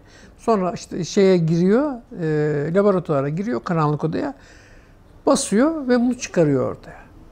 Ha, e, ve Ansel Adams'a ben usta diyorum dolayısıyla. Diyoruz yani yıllardır. E, Adams efekti diye bir şey söz konusu. Adamın e, sonucunda bir etki var. Çıkardığı sonuç. Ama dijital fotoğrafın ilk yıllarında uğraşırken ben internet üzerinde bir şey buldum. Çok basit bir yazılım şey yapıyor. Yazılım bile değil pardon. Yazılım değil. Bir profesyonel, dijital profesyonel fotoğrafçının, dijital çalışan fotoğrafçının şeyi, bir yöntemi. 3 ya da 4 tık fazla değil. E, fotoğrafı siyah beyazı çeviriyorsun. Renkliyse ya siyah beyaz çektiysen sorun değil. Zaten ama her koşulda siyah renkli de çeksen dijitali siyah e, da çevirebiliyorsun ya. Siyah beyazı çeviriyorsun. Sonra yanılmıyorsam maviyi, siyah beyazı, maviyi dibe kadar dayıyorsun. En yüksek e, parlaklığa getiriyorsun. İşte bir iki şey daha, iki, üç, bir iki tık daha yapıyorsun ve çektiğin fotoğraf doğru fotoğrafsa elbette. Hani şehir içi fotoğrafında anlamı yok bunun çünkü. Kırdık atıyorum neydi işte Büyük Kanyon'da ya da işte şey ne Ağrı Dağı'nı çekmişsin. Köprülü yani. Kanyon'da, Ağrı Dağı'nda evet çekmiş olman gerekiyor. Aynı sonucu veriyor sana. Tamam mı? Demokratlaştırdı işi ama bir haksızlık yok mu? Ansel Adams'ın aleyhine bir haksızlık yok mu? Ama adı halen de Adams. İşte tabii ben iki tık, üç tıkla onu elde ediyorum. Adam bir kere bütün tıpkı Picasso'nun iki bir dakika değil 40 yıl artı bir dakika dediği gibi bütün ömrünce o fotoğrafı hazırlamış adam. O ona şey yapmış ve ben daha çek yani ne bileyim dijital olarak bir kere çekerken ben ekranda görüyorum sonucu. Ha, bu tamam. Bir yandan böyle bir haksızlık çıkarıyor. Ama bir yandan da e, tıpkı garip akımının ürünleri çıktığında yani işte Orhan Veli, Melih Cevdet ve Oktay Rıfat'ın şiirleri çıktığında bir sürü benzerlerinin türemesi gibi aynı yıllar için işte 60'larda falan da devam etti. Ama gene de dikkatli bir bakış kalite farkını gösteriyordu. Tabii. O şeye dönebilir miyiz? Mesela siz dediniz ki yani e, kitap editörlüğünü ben yapı kredide öğrendim dediniz. Yani nedir o fark? Mesela yani kitap editörlüğünün alameti farikası nedir? E, nasıl bir a- iştir, işlemdir? Neye Evet. tekabül eder bir kitabın editörü? Şu, yani elinize bir metin gelir sizin. İşte genel olarak e, kitap işinde manuskri deniyor hala. Yani işte el yazması, daktiloyla da yazılmış olsa, bilgisayarla da yazılmış olsa hala manuskri deniyor, el yazması deniyor yani. E, manuskri gelir, siz bu metin, bu metin en iyi yazardan, en iyi çevirmenden bile gelmiş olsa hamdır. E, ansiklopedide de yapacağınız iş bunu belli bir standartize hale getirmektir. Standartlaştırmadır. Ee, genel kültür ansiklopedisi de olsa yani maddelerin genellikle imzasız olduğu dolayısıyla daha çok birbirine benzemesi gerektiği gerekiyor bile olsa belli bir standartizasyon gerekiyor. İşte ifadeler birbirini tutacak. Belli bir kalıbı olacak. Diyelim şeydir mesela. Botanik maddesi yapıyorsunuz. İşte gül. iki nokta ya da işte virgül. İşte, e, şu fa- familyanın, şu cinsinin şu kadar türü dersiniz. İşte şu kadar e, çok yıllık bitki, şu, e, şu türlerden çok yıllık bitkidir ya da bitki nokta. Diri olmayacak. Bu ifade bu kadar e, şey katı kurallar söz konusu olabilir. Ama e, daha özel bir alan ansiklopedisi ise imzalı olabilir bütün maddeler ya da tek kişinin hazırladığı bir ansiklopedidir. Ya da işte ansiklopedik sözlüktür diyelim işte edebiyat terimleridir. E, o zaman şey e, imzadan imzaya farklılıklar söz konusu olabilir ama gene de bütününün bir, bir, bir ortak havayı, ortak sesi tutturması lazım bütün maddelerin. Ona çalışıyor işte ansiklopedide redaktör, e, kitapta editör. E, kitapta iş biraz daha e, hem daralıyor metne ilişkin kısmında hem de metin dışı öğelerde genişliyor. O da şu, işte ansiklopedinin arka kapağı yoktur. Arka kapak yazısı yoktur ansiklopedinin. İşte tanıtımı vardır, reklamı vardır, bir şey vardır. İşte e, fasikül esasıyla çıkıyorsa her hafta ya da işte her ay aylık ya da haftalık fasiküller çıkıyorsa bunlar sonradan toplanıp ciltleniyorsa belki o standart bir takım ifadeler vardır. Onlar tekrar edilir. Her e, şeyin e, fasikülün ortak şeyidir. Ne diyeyim? işte e, laflarıdır. Ortak tanıtım metnidir. Ama kitapta iş değişiyor. E, gerçi 50'lerde 60'larda falan dikkat edin çok fazla arka kapak yazısı yoktur kitaplarda. Henüz oturmamıştır. E, 70'lerden sonra oturmaya başladı iyice. Hatta 80'ler. Hatta tabii e, özellikle de çok net söyleyebiliriz bunu. E, Enis'in çok kullandığı bir e, şeyle, deyimle e, sektöre hiza getirmiştir Yapı Kredi yayınları. Yapı Kredi yayınları künyesinde e, işte editörün, düzeltmenin adını yazdıktan sonra bir sürü yayın evinin künye, kitap künyelerinde editör, düzeltmen adı görünmeye başlamıştır. Arka kapaklar, kapak yazıları zorunlu ve gerekli hale gelmiştir. Ee, yazar yerine göre çevirmen ve editör biyografisi girmiştir mesela kitapların içine. Ee, bunlar e, bir ölçüde standartlaşmıştır. Dediğim gibi sektöre hiza getirmiştir bu anlamda Yapı Kredi Yayınları. Ee, şey işte BDDK'ya devri sonrası Yapı Kredi Yayınları'nın ben şeyden endişe etmiştim. İşte her an yayın evi kapatılabilir. Pardon Koç'a geçtikten sonra yani BDDK'dan sonra da Koç'a geçtikten sonra da her an kapatabilirler. Çünkü Koç için e, Yapı Kredi Yayınları yani tam adıyla Yapı Kredi Kültür Sanat Yayıncılık e, Anonim Şirketi leblebi çekirdek şey değil. Yani büyük bir gelir kaynağı falan değil. Gider kaynağı da değil ama aynı zamanda aslında. Ha, ama yani ancak kendini çevirebiliyor. Ama işte e, ve Türkiye'de ihtiyaçlar listesinde en altta görülen bir şey ihtiyacı cevap veriyor. Kültür diye hala içine dolduramadığımız bir ihtiyacı cevap veriyor.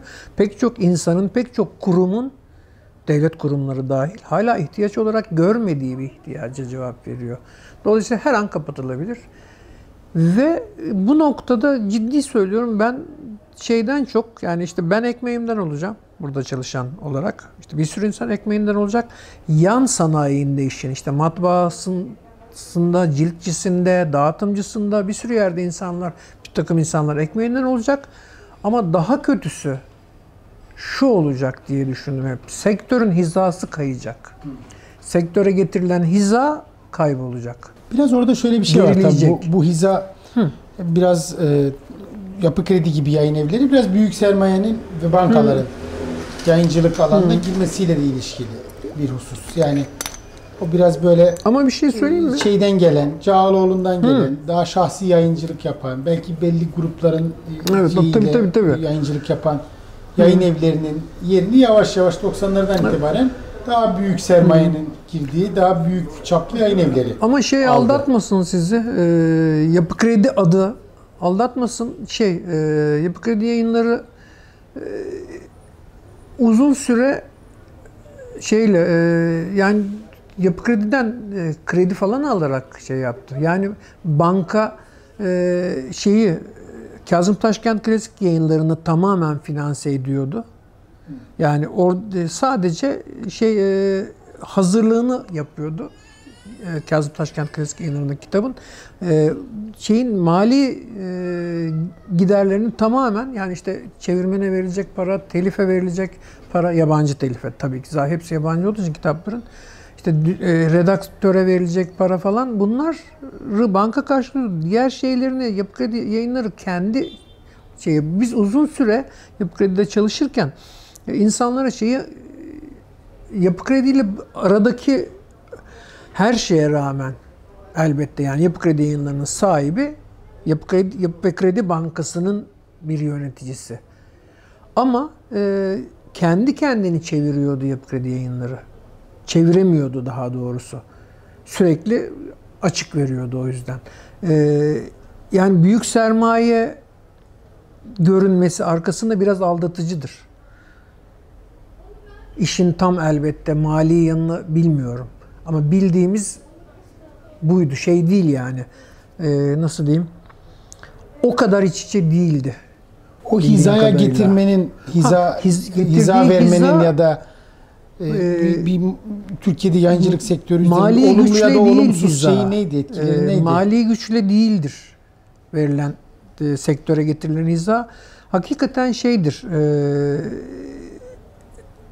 mesleki bir hizadır. O da şu dediğim gibi yani işte bir kitapta arka kapak yazısı olur. Bir kitabın editörü olur. Hatta sahibi olur yayın evi içinde. Yani dışarıda bir editörün hazırladığı bir kitap bile olsa Yapı Kredi yayınlarında muhakkak içeride bir editör ilgilenirdi o kitapla. Bu yine de yayın evinin mali e, potansiyeliyle ilgili değil mi? Yani müstakil bir editör çalıştıramaz pek çok yayın evi Türkiye'de. Aa, tabii tabii tabii. Sahibi aynı zamanda redaktörü, musahhi, Tabii canım, bazen tabii, çevirmeni, tabii. tanıtım pazarlama sorumlusu, dağıtımcısı Aa, tabii. hepsi bir kişidir. Pek çok yayın Doğru evinde. tabii tabii. E, bu biraz bir sermaye koyup insanları önce bir çalıştırıp sonra ürünü çıkarıp pazarda Evet. e, satmayla ilgili olan Hı. o bahsettiğimiz yani klasik hani e, kapitalist yatırım döngüsünün de bir Ha. sonucu değil mi? Yani en tabii, azından tabii. insanların bir 3-5 ay, 1 yıl maaşlarını ödeyebilecek kadar bir sermaye olması Tabii canım olmalı tabii ki tabii. e, o kadar insan bir kitap Ama şey de yani. Yapı Kredi yayınları da şey değildir. Ee, yani baştan beri böyle değildir. Yani bugünkü Yapı Kredi yayınları olarak ya da işte Yapı Kredi Kültür Sanat Yayıncılık Anonim Şirketi değildir baştan beri. Başta Yapı Kredi yayınları limited şirkettir mesela. Ee, bu bile sanıyorum ekonomik olarak ne demek, fark nedir bilmiyorum ama yani sanırım o bankacılık Yani işte, kanunundan kaynaklanan ee, bir durum. kadro çok daha azdı başlangıçta. Yani işte 89'dur galiba kuruluşu. Ben 93'te girdim. Ee, o sırada işte atıyorum işte iki düzeltmen, e, üç editörle falan yürüyordu iş. Giderek büyüdü. Ee, büyüme tabii şöyle bir olumsuz yanı da oluyor. Kurumlaşma hakikaten kurulmayı getiriyor. Olumsuz anlamda kurulma. Yerine oturup yapışıyorsun oraya yani. Devlet kurumu haline geliyorsun neredeyse bir süre sonra. Ağırlaşıyorsun. dinamizmini kaybediyor. Dinamizmini kaybediyorsun. Ee, ya şeyin dediğim gibi ekonomi benim en az bildiğim, daha doğrusu hiç bilmediğim bir alan. Ama e, şunu biliyorum. E, gerçekten e, bankayla Yapı Kredi yani Yapı ve Kredi Bankası ile Yapı Kredi yayınları arasındaki e, ekonomik e, ilişki galiba dışarıdan göründüğü gibi değil çok fazla. Yani en azından çalıştığım yıllar için söyleyebilirim. Kararlar nasıl verilirdi? Yani yayın kararları hiç yayın Ya şeyde bulundunuz mu? tabii tabii yani e, işte o ilk e, yıllarda da diyelim işte 90'larda e, bir bir tek yayın kurulu vardı başlangıçta.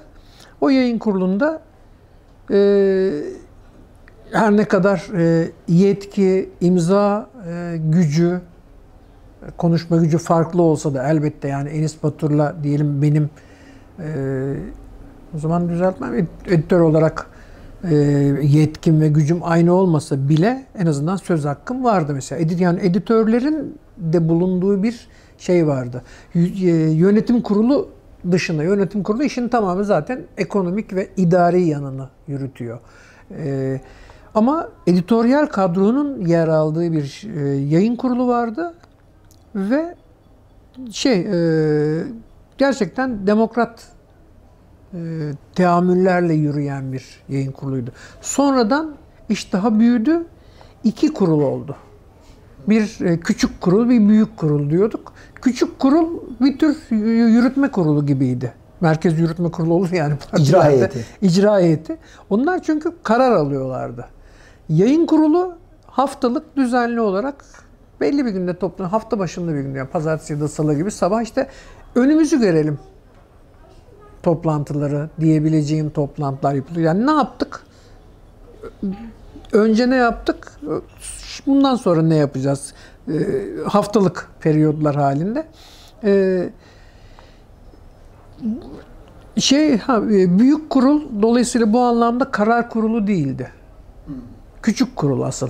Dar olan kurul karar kurulu. Bir de tabii iş e, bir yerden sonra Yapı Kredi Kültür Sanat Yayıncılık anonim şirketi olunca yani işte şeyle e, sergi daha önce serginin yani şey yönetimi doğrudan bankaya bağlıydı. İşte Sermet Çifter kütüphane şey kitap evi falan hepsi birleşince e, dediğim gibi Yapı Kredi Kültür Sanat Yayıncılık Anonim Şirketi olunca e, koordinasyon eşgüdüm toplantıları devreye girdi. Yani işte sergi yöneticisi, kütüphane yöneticisi, şey e, kitap yöneticisi ve yayın evinin yöneticileri ayrı toplantılar yapmaya başladılar.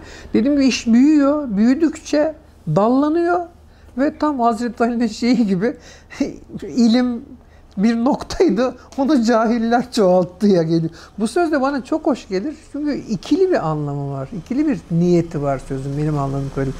Hem ya cahiller çoğalttı ve işi batırdılar diyor. Hem de iyi ki çoğalttılar diyor. bir yandan da bence örtük olarak. Çünkü dallandı artık iş şey oluyor. Yani eskiden işte atıyorum bilmem kaçıncı yüzyıla kadar sadece fizik vardı. işte kimya vardı. E sonra fizik fiziksel kimya, kimyasal fizik, atı işte yok uzay fiziği, uzay kimyası bir sürü şey çıktı. Hatta tamam bir yandan cahiller ilmi çoğaltıyor hakikaten. Noktadan şeye çevir. Ama zaten noktaya dikkatli baktığında optik olarak da olay böyle. Orada çok Zaten nokta orada bir dünya var. Hiçbir nokta tek noktadan hiçbir nokta oluşmuyor. noktadan oluşmuyor. Evet. Noktaların birleşiminden evet, hiçbir oluşuyor. nokta noktadan oluşmuyor. Bir noktadan ya da oluşmuyor. Şey e, yani işte optikteki, fizikteki gelişmelerle öğreniyoruz ki suyun akışını biz kesintisiz zannediyoruz. Değilmiş meğerse. Damlalar birbirini itiyormuş. Işık da öyle. Işık da öyle tabii ki. Hüzmeler halinde. Ha, evet. Editörlüğün şeyleri, zorlukları ne? Yani Türk yayın hayatında, yayın dünyasında o editörün merkezi konumu ve etkisi anlaşılabilmiş mi sizce? Ya e, ben büyük ölçüde artık anlaşıldığını düşünüyorum. E, çünkü bir kere mesela şunu gördüm. E, editörlük yapmamış, yapmamakta olan pek çok yazar, şair, bazılarını yani bazıları tanıdığım benim işte tanıdığım arkadaşım pek çok şairin, yazarın editöre eskisi gibi bakmadığını gördüm mesela, görüyorum. Eskiden en iyi editör ölü editördür gözüyle bakılıyordu. Değiş, deyim yerindeyse. Ee, ama artık... Niye biraz onu kendi işine karışan, ekstradan işte, iş çıkaran tabii, kişi olarak tabii, mı iş çıkaran kişi olarak görüyor tabii. Ama şeyi gördüler artık gibi geliyor bana. Her yazarın bir editöre ihtiyacı vardır. Gördüler. Buna bir parantezde ek yapayım ben. Gerekirse kavga etmek için. Ama olay metnin selameti. Yani benim yapı kredideyken öyle formüle ettiğim bir şey vardı. Teknik yani dizgi servisindeki daha doğrusu şey diyelim. Ne e, teknik servis dediğim yani dizgi ve benzeri işleri yapan editoryal iş, dışı iş, işleri yapan arkadaşlarla tartıştığımızda tartışmaya geldiğinde iş belli bir şey için işte yani şurada mesela şu fontu kullanalım ya da işte burada şöyle bir şey yapalım ya dipnot girelim, son not. Çünkü dipnot zor gelir dizgicilerin çoğuna. Çünkü metni oynatmayı gerekir. gerektirir. Tabii, Metinde sürekli sayfa ayarı yapmayı. Metinde ittirme kaktırma dediğimiz işlemleri yapmayı gerektirir. İşte şuraya dipnot koyarsın, metni kaydırır o dipnot. Dolayısıyla son not vermek, met, bölüm ya da metin sonuna topluca not vermek daha pratik gelir dizgicilerin çoğuna. Ama sen de editör olarak metne hakim olduğun için inat edersin. Bu, bu, bu, bu kitapta son dipnot olacak arkadaş dersin. O noktada benim şey yani ne diyeyim işi e, yumuşatmak için şey diyordum. Yani tartışma falan çıktı ya metnin selameti için diyordum. Çünkü hakikaten metnin selameti, metnin salim olması yani doğru olması. E, yeri gelmiş e, denebilirse olgun olması için böyle bir şey gerekiyor. Ha, e, yani yazarlar, şairler e, bunu artık gördüler gibi geliyor bana. Ve e, galiba dolaylı olarak editör olarak benim de e, buna şu katkım oldu. Mesela şeyde Adam Öykü'de Semih Gümüş benimle bir söyleşi yapmıştı. Sanıyorum Türkiye'de ilktir.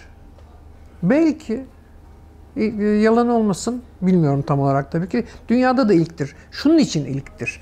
Çünkü e, konuşmaya başlarken editörün iki anlamından söz etmiştim yani. Oraya geleceğim tekrar.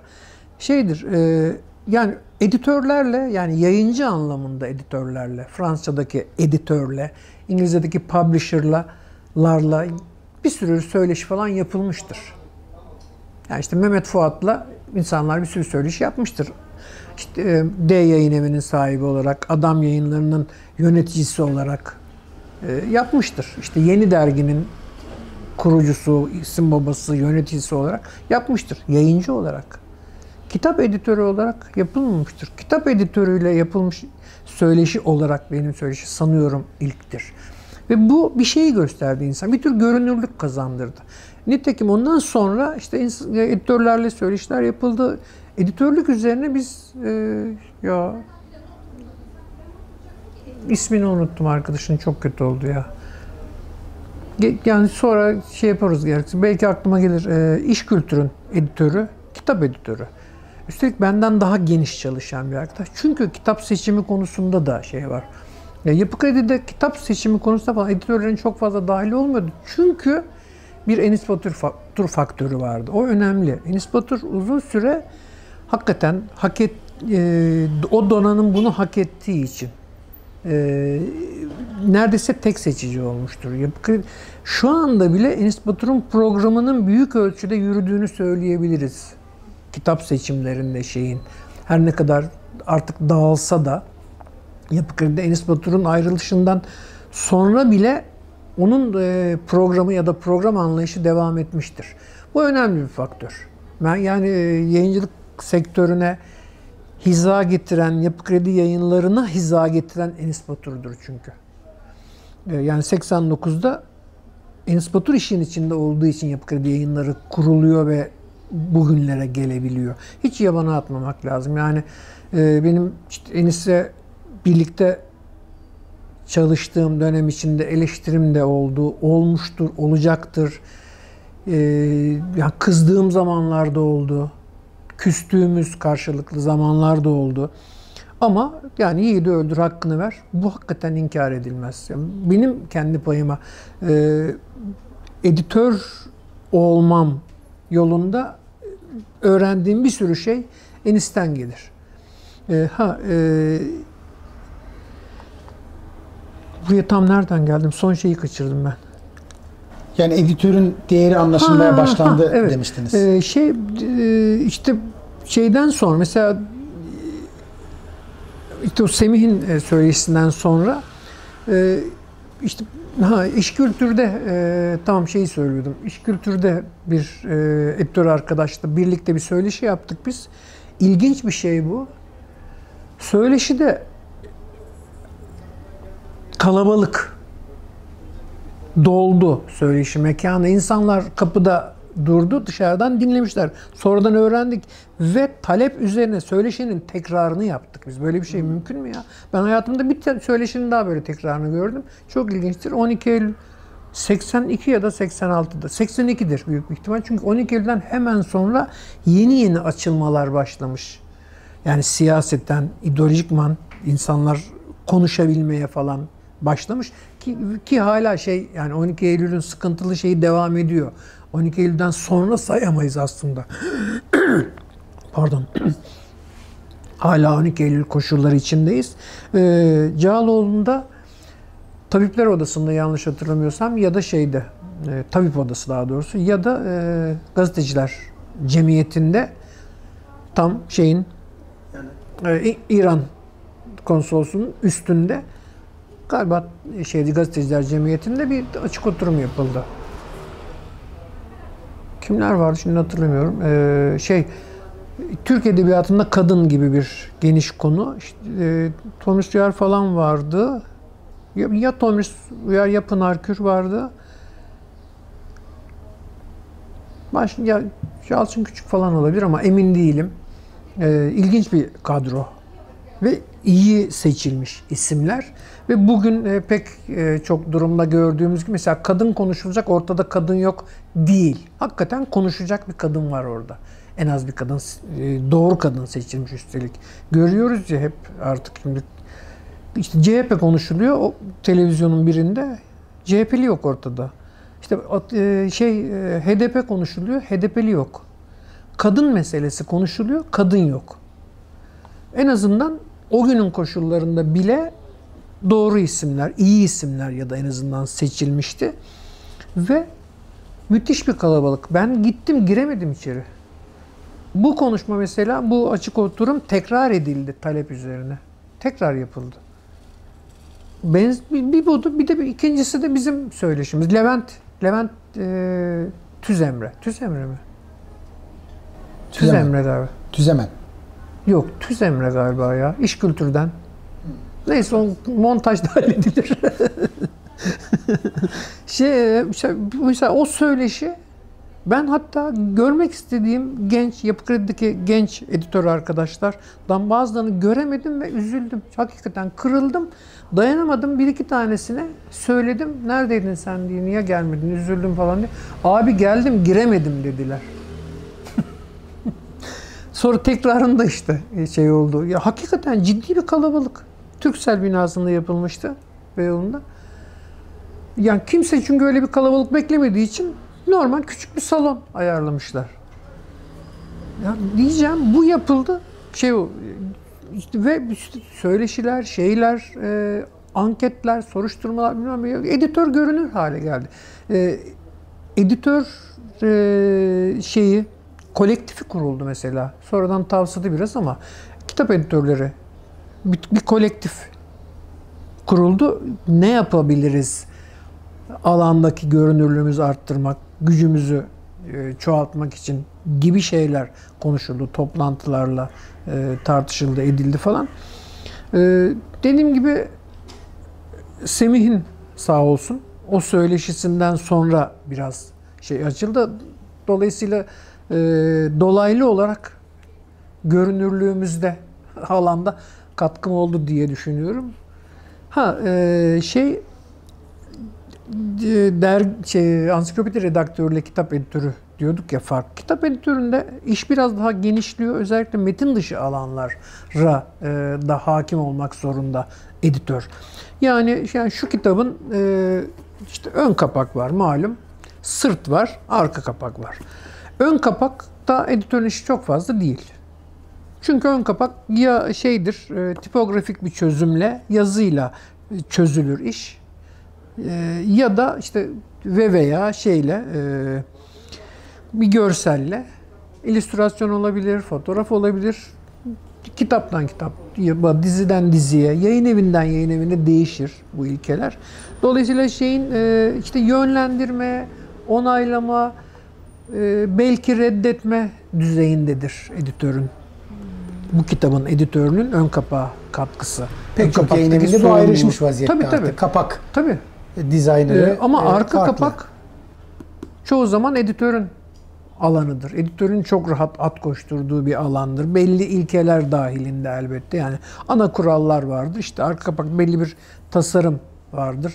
İşte şey işte mesela işte yazarın biyografisi yer alacaktır diyelim ve sınırı bellidir onun ya da işte biyografi yer almayacaktır da e, bir tanıtım girecektir. İşte oraya reklam niteliğinde bir övgü mesela bu kitap için ya da bu yazar için girecek mi, girmeyecek mi gibi bu tür şeylerde editörün çok fazla şey var. Çoğu zaman bu metni editör oturup yazar ya da yazdırır.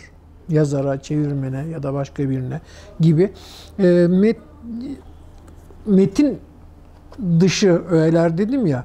Metin dışı öğelerden kastım şu. Dedim işte kapak, ön kapak, arka kapak, e, işte biyografi, künye sayfası, kitabın künye bilgilerinin olduğu sayfa. İşte içindekiler, e, notlar, varsa dizin, işte varsa kullanılıyorsa görseller, bütün bunlar da şeyin e, editörün alanına giriyor. Ansiklopedide çoğu zaman işte editör, redaktör daha doğrusu ansiklopedi maddesini yazar, çevirir, redaksiyonu yapar falan. Ondan sonra tasarım ekibi geri kalanına ilgilenir. Siz bir kitabı elinize aldığınızda bu kitap editör görmemiş. Denebiliyor. Nasıl dersiniz? Denebiliyor. Şu, şundan denebiliyor. Nedir ya da editör zayıf görmemiş bir kitabın olmuş. alameti farikası? Yani isim vermeyeyim ama yani yeni bir yayın evi. Ee, önemli de bir yayın evi. Benim şeyde e, Semih Gümüş'ün editörlük ve yayıncılık atölyesinde bir ders veriyorum ben. Kendi editörlük atölyelerimin dışında. Orada bir ders veriyorum. Şiir çevirisi ve şiir çevirisinin editörlüğü de nelere dikkat etmek gerekir. Oradan e, işte bir derslik öğrencim olmuş bir genç hanım. E, şu anda bir yeni bir yayın evinde editör. O iki kitabı gönderdi. Hocam adres verirseniz göndereyim. İlk baktım karşılaştırdım kitapları. Birinde daha iyi bir edit- editörlük var. E, mesela e, şeyler e, kitap adlarının italik olduğu olması kuralı titizlikle uygulanmış. Ama öbür kitapta bu atlanmış. İşte metinde mesela kitap adları italik, notlarda es geçmiştir onları. Bir şekilde karı olmamış. Bunu e, sorumlusu kim olursa olsun sorumlusu editördür. Yani dolaylı olarak da olsa editördür. Yani editör e, şeyde e, birkaç sene önce şey oldu. Hmm, Yayıncılar Nin e, Avrupa Birliği'nin fonladığı ya da en azından desteklediği Kültür Bakanlığı'yla birlikte şey Kültür Bakanlığı pardon ya stand MYK Mesleki Yeterlilik Kurumu evet standartları belirliyor. Yayıncılık alanındaki mesleki standartları belirlemek için bir dizi şey yapıldı işte ne denir ona? Ee, Çalış, çalış, evet çalıştay yapıldı. O çalıştayda ben de serbest editör olarak yer aldım. Çünkü işte editörler, çevirmenler, şeyler falan var. Ve editörün e, şeyini belirledik. Standardını. Mes- mesleki tanımını. Tabii de mesleki tanımını, işte gereklilik, neler gerekiyor, yeterlilik ortaya çıkacak çünkü. Şey e, işte e, ve Milli Gazete, şey Milli Gazete demişim, resmi gazetede yayımlandı ve yürürlüğe girdi bildiğim kadarıyla. O çalış o çalıştayda şeyi gördük. Hatta şeyin e, işte bir stand e, şey bir tanımlardan biri şef editördü. Şef editör e, tanımını ben yazdım ve bu kadar basit miymiş ya dedim. Çünkü editörlüğe ek olarak genellikle editördür şef editör aynı zamanda. Editörlüğe ek olarak şunları yapar dediğimiz için çok kısa. Yani editörün yaptıklarını tekrar ama editörün yaptıkları dehşet bir şey çıktı ortaya. Müthiş bir şey. Çünkü e, hakikaten e, görünmeyen bir emek var. Şey e, artık yani çok bilinen bir fıkradır ya da espridir. İşte editöre sormuş birisi. Siz ne iş yaparsınız demiş. Kitap yazıyor musunuz siz kitabı? Hayır onu yazar yapıyor. Çeviriyor musunuz? Hayır o çevirmenin işi. Dağıt basıyor musunuz? Hayır. Matbaacılar var. E, dağıtıyor musunuz? Hayır. Dağıtımcılar var.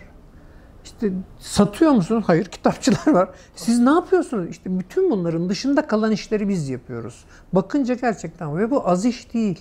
Görünmeyen dehşet bir emek var ortada. Yani kitap çıktığında şurada okur, şunu görüyor. Ne olsun. İşte mesela başlığımız arka kapak yazısı 2 nokta Emin Maluf Semerkant. Şimdi e, köşeli tırnak içinde bu. Ama bakıyoruz bir önceki şey köşeli tırnak falan yok. Yedi iklim dört bucakta rehberimiz Evliya diyor. Yedi iklim dört bucak italik bu arada başlıkta. Ha, bu bize bir şey söylüyor. Bu bir kitap ismi. Evet. Kitap olabilir. Gazete, dergi gibi yayın olabilir. Bir albüm olabilir. Yani bir 33 Bir eser- albüm eser olabilir. Plak olabilir. Tabii. Ee, film olabilir. Opera olabilir. Müzikal olabilir.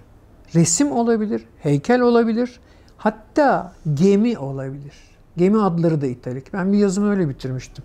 Editör işte kitap, dergi falan adlarının italik yazıldığını bilmek zorundadır. Gemi adlarının da italik yazıldığını bilirse çok iyi olur. gibi bir şey. Çünkü çok farkında değil insanlar. Gemi adları da italiktir. Uluslararası bir kural neredeyse bu. Yazılı olmasa bile. Ha işte köşeli tırnak e, parantez içinde. Bakıyoruz. Semerkant italik ayrıca. Arka kapak yazısı 2 nokta Emin Maluf Semerkant. Ha Semerkant kitap adı. Hakikaten kitap adı. Neden köşeli parantez içinde? Çünkü bu metnin aslında başlığı yok. Bu geçici olarak, daha doğrusu mecburen atılmış bir başlık.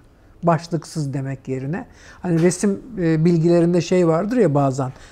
İşte Fransızlar sans diyor, isimsiz. İngilizce'de ne diyorlar? Untitled diyorlar. Değil mi? Un, tabii untitled diyor. Başlıksız yani. Ya da yazarsız la edri. Ha. Ee, şey e, burada da diyor ki bu bu yazının adı yok.